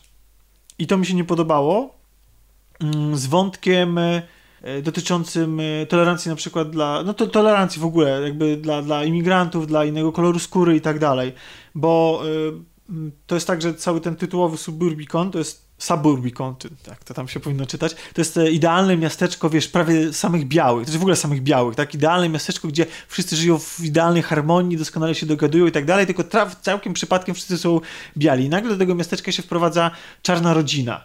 I ta czarna rodzina jeszcze nic nikomu nie zrobiła i w ogóle w żaden sposób no, nie, nie, nie, nie pokazała się od jakiejś złej strony, ale oczywiście już jak tylko się pojawili, że są czarni, to oczywiście wszyscy są przeciwko nim, są zwoływane rozmaite narady miejskie, jak zrobić, żeby odgrodzić ich murem, wiesz, murem, nie? E, i, i, na przykład i, i, też są przeciwko nim pikiety, demonstracje, są utrudnione im życie i ten wątek, wyobraź sobie, dzieje się totalnie z boku właśnie tego dramatu y, rozgrywanego w tej pozornie idealnej białej rodzinie, więc ale one nie są ze sobą powiązane w ogóle? Y, y, dzieciaki z tych rodzin się znają i się okay. przyjaźnią, tylko tyle, że to jest tak oczywiste, tak wprost wiesz ci podane, że tutaj mamy tą stłamszoną rodzinę, której wcale w ogóle nie oglądamy. Widzimy ją naprawdę przez kilka minut w ogóle, wcale jej nie poznajemy, to nie jest prowadzony równolegle wątek. Tylko to jest wiesz, taki prosty przekaz, że no tutaj y, atakujecie ludzi tylko za za kolor skóry, jesteście nietolerancyjni i tak dalej, podczas gdy wasze idealne społeczeństwo wcale nie jest idealne, bo dramaty, przestępstwa, patologia się dzieje e, w białym domu i w ogóle. Tylko to jest przekaz, który trzeba kierować do widzów Koenów? No, wydaje mi się, że nie. No, nie, no nie wydaje mi się, że to jest zbyt proste, zbyt oczywiste i jakby, no wydaje mi się, że ludzie, jakby, jakby fani Koenów chyba są tak wyczulonymi ludźmi na tym punkcie. Chyba, że Chyba, że e, patrząc po nastrojach politycznych w Stanach Zjednoczonych, Cohenowi uznali, że muszą zająć jakieś polityczne stanowisko i wiesz, no atmosfera e, polityczna na świecie jest różna, tak? W sensie wiem, że, że te konserwatywne e, środowiska dochodzą do głosu, a wraz z mhm. nimi dochodzą też e, skrajnie prawicowe, które po prostu odwołują się do najgorszych najgorszych niestety... No tak, ale czy jest sens o tym mówić w kinie po raz kolejny no, i w jest. oczywisty sposób? Zawsze jest. Znaczy wiesz, jednym z moich ulubionych filmów jest American History X.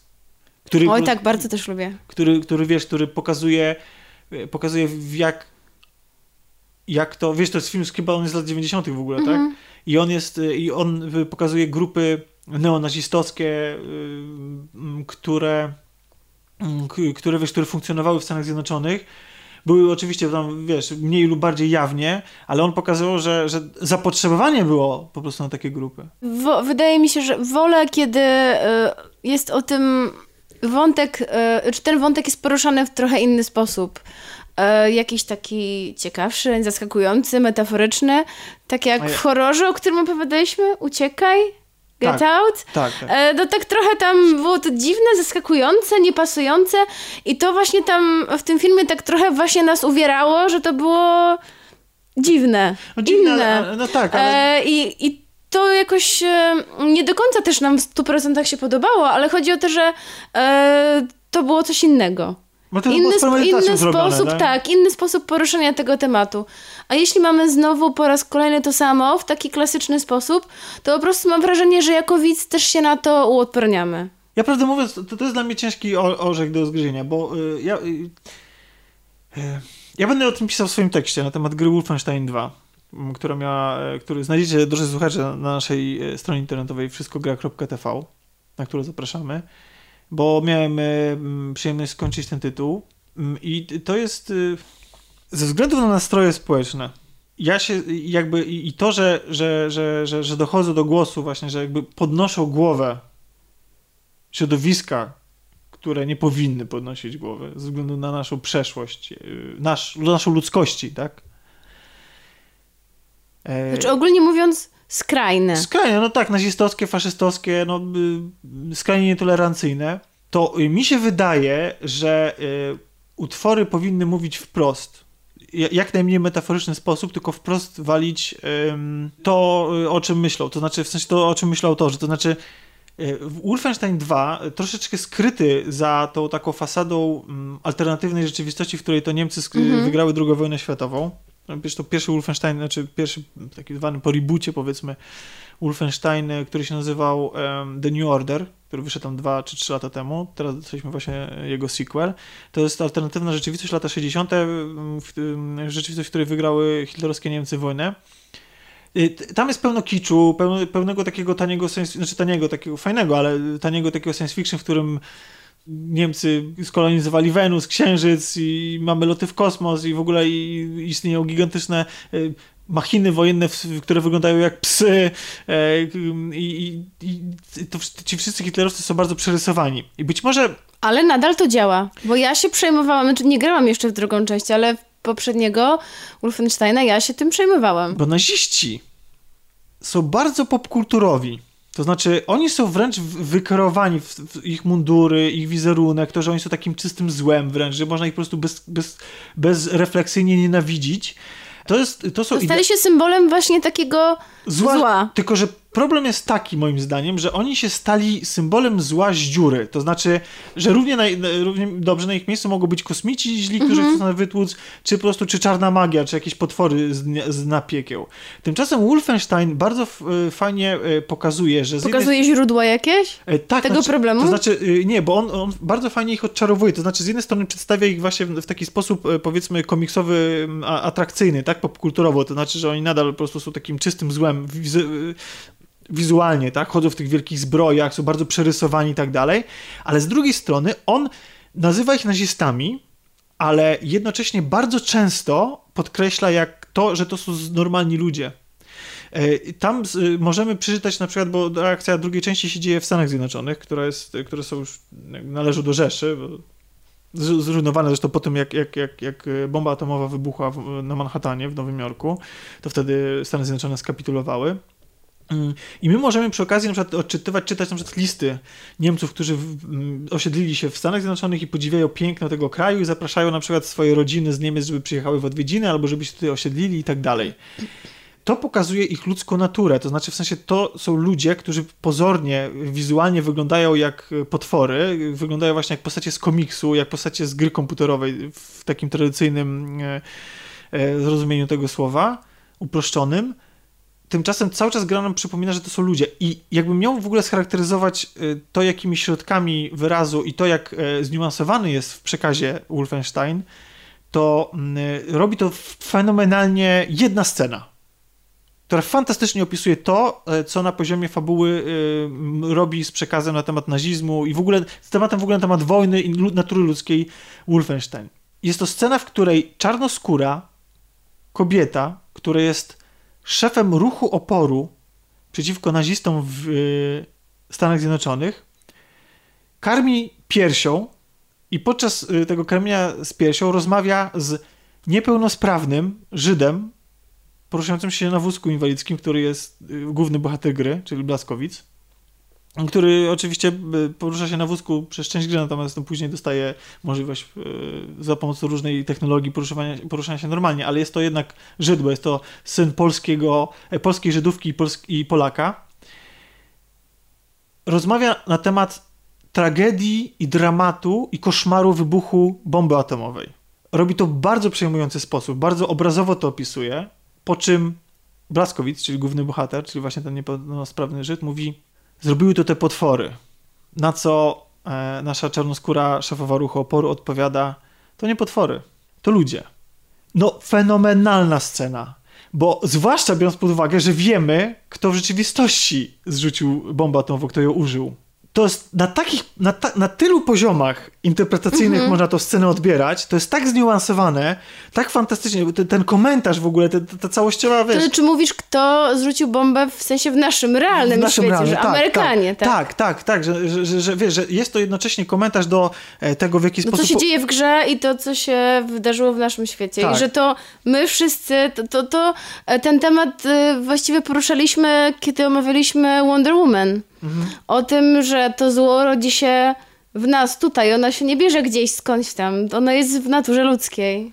Tak. I coś dopiero jakiś katalizator e, pojawia się i po prostu z nas. No to wiesz, to już jest taki temat filozoficzny, no bo wiesz, bo. E, no czy... trochę tak, ale, ale tak ale naprawdę nie dokładnie to faktu, że, mhm. że robienie z nazizmu i z tragedii II wojny światowej, e, z Holokaustu, jakiejś rzeczy wyrwanej właśnie z komiksu, z gry komputerowej, jakiejś fantastycznej, ubieranie i podciąganie tego pod e, nazizm hasłowo to sprawia, że to się nam wydaje trochę nierealne, że to robili mhm. naziści, że to robili, e, że to robiły te dziwne, y, grubo kresko określone postacie. To robili ludzie. z krwi i kości. Ludzie, którzy tak samo jak my mieli marzenia, e, mieli rodziny, e, którzy mieli swoje cele, ambicje i tak dalej i e, nagle, czy to za pomocą systemu, czy uruchomiło się u nich pewne rządy, czy coś się zadziało, takiego, że oni stali za machiną zagłady. W Wolfensteinie 2 to też nie jest żaden spoiler, bo była z tego powodu afera. Spotykamy Hitlera. I to jest, i Hitler, jak, jak go spotykamy, to on absolutnie wprost mówi, co on sądzi o Żydach. To znaczy w ogóle tam jest temat, y, temat y, Holokaustu i w ogóle no, jakby tej, tego właśnie antysemityzmu i, no, i w ogóle ostatecznego rozwiązania kwestii żydowskiej jest totalnie wprost podany. Nie wiem, może, może właśnie ta, ta karykaturalność tego świata pozwala na to, ale ja osobiście jestem pod wrażeniem, jak niesamowicie twórcom obu tych części, jedynki i dwójki, udało się połączyć e, pastisz, czy znaczy nie pastisz, tylko ten taki kicz, przerysowanie z powagą treści i jednocześnie pewną poetyckością. Bo nadal jesteśmy facetem, który w kombinezonie e, cybernetycznym rozwala za pomocą dwóch sprów jednocześnie wiesz, zastępy wrogów po prostu i walczy z jakimiś mechami, robo, mm, robopsami i w ogóle. I, I najlepsze jest to, że w tym filmie to wszystko gra. I nasz... W grze. W grze. E, to wszystko, tak, powiedziałeś, że w filmie. A, przepraszam. No, no trochę bo, jak w filmie. No trochę jak w filmie, bo tak, bo y, Wolfenstein jest niesamowicie napisany. Jest, jest bardzo, jest, jest fantastycznie napisany. To są, to są y, postacie, które y, tam występują, które my spotykamy, które dołączają do naszego zespołu, bo my w ogóle, nasza, naszą bazą jest taki gigantyczny ubot. Y, Młot Ewy się nazywa y, ten ubot i, y, i, i te postacie, które się przyłączają do naszego zespołu, które razem z nami rozpoczynają tę rewolucję i walkę mm, z, z nazistami, to są świetnie napisane postacie. One, on, to, są, to są postacie jak wyjęte z, jak z najlepszych filmów. Y, to są, y, tam y, gra w ogóle nie szczędzi ani czasu, ani pieniędzy na to, żeby nam dać ekspozycję tym postaciom, żeby, żeby, żeby te rozmowy się nie odbywały jakoś półsłówkami, zdaniami, żeby, żeby dać, jest tu, tu jest nawet takie klamkowanie, jest nawet czas na to, czyli takie, że bohater gdzieś idzie, siada, przechadza się, robi minę, że jakby to, to wszystko wybrzmiewa, to niesamowicie się to ogląda, to znaczy przebywanie w tym świecie z tymi bohaterami to, to, jest, to jest autentyczna e, przyjemność. Znaczy, no jest, tak, no, wie, wiecie o co mi chodzi. Takie, jeśli chodzi o przyjemność obcowanie z, z, z dobrą kultury. I zaangażowanie właśnie w ten świat jest ogromne przez to, jak świetnie są te napisane postacie. Jest, jest fantastycznie napisana relacja e, zarówno w pierwszej części, jak i w drugiej. E, relacja z Anią, którą, pod którą głos mhm. podkłada Alicja Bachleda-Curuś. To jest e, Polka, którą poznaje w pierwszej części e, Blaskowic. I mimo tego, że to się dzieje w alternatywnej, fikcyjnej, bardzo kiczowatej pozornie rzeczywistości, e, to jest bardzo żywe i prawdziwe. I, I wierzy się w ten świat i wierzy się w tych bohaterów i tym bardziej ogromna szkoda, wielka szkoda, że niestety gra, która jest wybitna na, po prostu na, na, na, na, na tych polach, tej historii, czy, czy, czy właśnie budowania relacji i, i narracji, Niestety, ale gameplayowo odstaje. I, i, I, mam ogromny dla mnie żal y, wobec tego do twórców, bo to jest y, y, strzelanka, która niby... Ale pod jakim względem? Znaczy, bo, to, bo, dlatego, że po prostu mechaniczne rozwiązania, bo to jest strzelanka.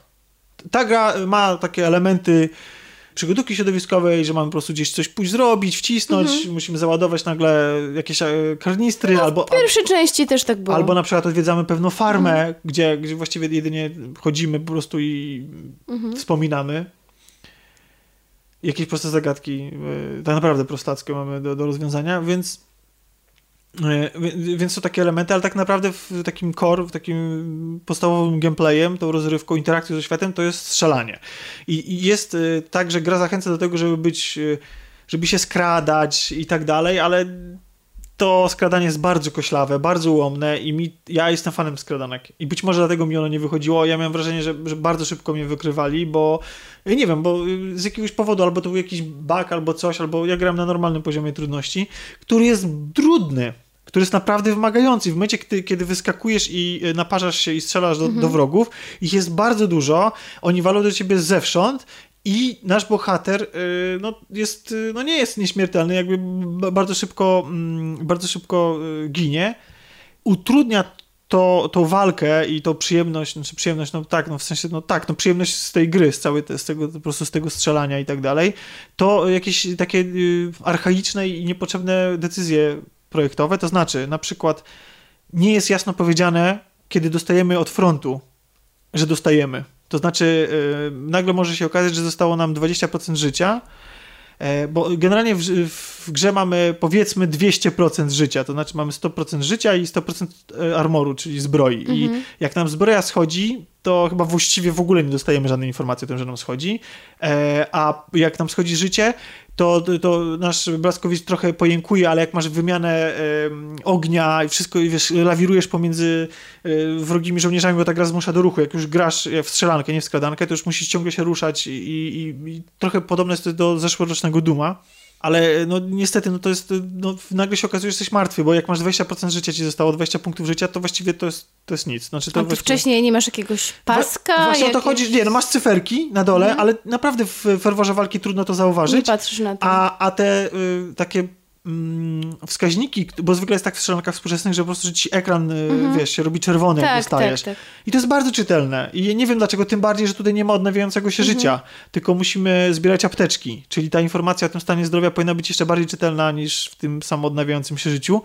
I y, tak samo i ten, tą zbroję, ten armor możemy zbierać e, ręcznie. I to o właśnie to, że w ogóle zbieramy to ręcznie też jest absurd y, w ferworze walki, ponieważ musimy nacisnąć kwadrat, żeby zebrać amunicję i żeby, żeby zebrać skutecznie, żeby zebrać skutecznie amunicję i żeby skutecznie zebrać armor, to musimy nacisnąć e, jeden z przycisków, przycisków w napadzie, co jest absolutnie mm, utrudnieniem i zupełnym bez sensu wytrąceniem po prostu w ferworze walki. I jest na pewnym stopniu automatyczne zbieranie tego wszystkiego, ale mam wrażenie, że tak wąsko, tak bardzo trzeba się wstrzelić w to, że coś leży na ziemi, że musisz na to nadepnąć, że to po prostu, że, że ja miałem taką scenę, jest taka scen- scena w sądzie, ci co, co grali to może będą wiedzieć, E, bardzo długa sekwencja akcji, wymiany ognia z bardzo wieloma przeciwnikami. Okazało się, że mi zabrakło amunicji, ponieważ w ferworze walki, mimo tego, że ta amunicja leżała wszędzie do, dookoła, po prostu ani razu nie nadepnąłem w tej ferworze walki na to idealnie po prostu w ten punkt, gdzie powinien nadepnąć. I to, jest, to, są, to są złe rozwiązania.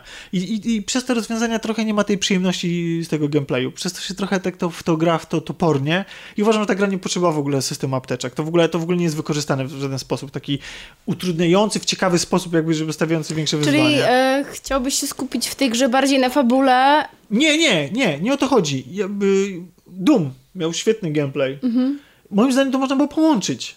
Zwłaszcza, że i Doom, i, y, no to jako inny deweloper robi, ale to wydaje też Bethesda, co zresztą w ogóle nie jest przypadkiem, że wspominamy dzisiaj też o grze Bethesdy, tak jak wspominaliśmy w zeszłym tygodniu o, w zeszłym odcinku o Dishonored 2. No szkoda, żałuję, bo ja bym chciał po prostu się rozpływać nad tą grą bezgranicznie i polecać ją absolutnie każdemu, dlatego y, ona ma też narracyjne problemy, pod, ko, koniec tej historii jest bardzo ścięty, jest bardzo gwałtownie urwany i nie chodzi o to, że tam zostawia nam jakiś wielki cliffhanger, tylko emocjonalnie nie ma czasu wybrzmieć e, ta końcówka, bo nagle, y, to mówiłem o tym przywiązaniu do detali, że jest masy filmików, jakichś takich szczegółów i tak dalej, po czym się okazuje, że od pewnego momentu po prostu y, leci ta narracja bardzo szybko, ciach, ciach, ciach i właściwie mamy finał. I, i my nie mamy już, już, już nagle okazuje się, że nie potrzeba tych filmików robić, już ten, tylko po prostu nagle się znajdujemy w finałowej lokacji, wykonujemy pewną czynność, która w ogóle nie jest... Mam wrażenie, że to jest problem wielu gier, że mm, gra się rozwija długo, bardzo, bardzo ciekawie, a potem nagle, nie wiem, albo właśnie braknie środków, albo trzeba już szybko kończyć grę, bo gonią nas terminy. Bardzo, bardzo często się z tym spotykam, że końcówka jest jakaś zrobiona taka po, po macoszemu, a to nie jest dobre, bo koniec to to, co zostaje najdłużej w twojej pamięci. Mm, To, tak. co pamiętasz na świeżo. E, I niestety często to zakończenie jest zawodem. Tak, no i tutaj niestety też jest i ja żałuję, żałuję, ponieważ gra robi fenomenalnie niektóre rzeczy.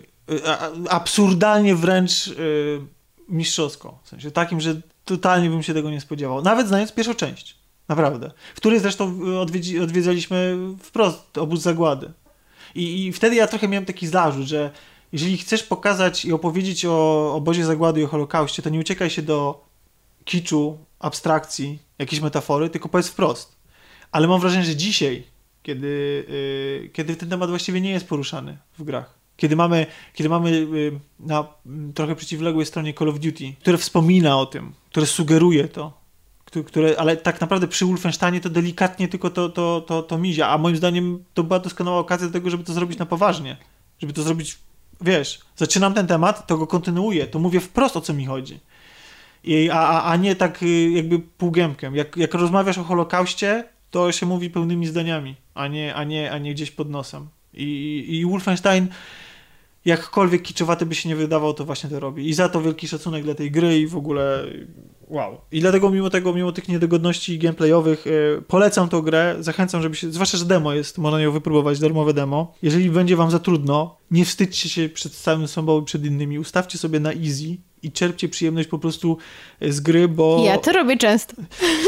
No tak, ale... ale Przyznaję jak, się wiesz, do no, tego. Kupujesz grę, która jest jeszcze dodatkowo liniowa i ona jest na kilkanaście godzin, no to chciałbyś, żeby, wiesz, żeby, mm, żeby to przyjemność obcowania z tym tytułem była większa i dłuższa przede mm -hmm. wszystkim, tak? No jakaś tam satysfakcja jednak przylicznik ten cenowy. Ja tak nie, ja tak nie robię, ale rozumiem ludzi, którzy podchodzą do, do, do w ten sposób do gier że nie chcą płacić pełnej premierowej, ale ta, ta gra w ogóle strasznie staniała, bo ona się oczywiście nie sprzedała. Jej premiera była bardzo niedawno. Jeżeli nie znacie w ogóle tej serii, to koniecznie zagrajcie w pierwszą część.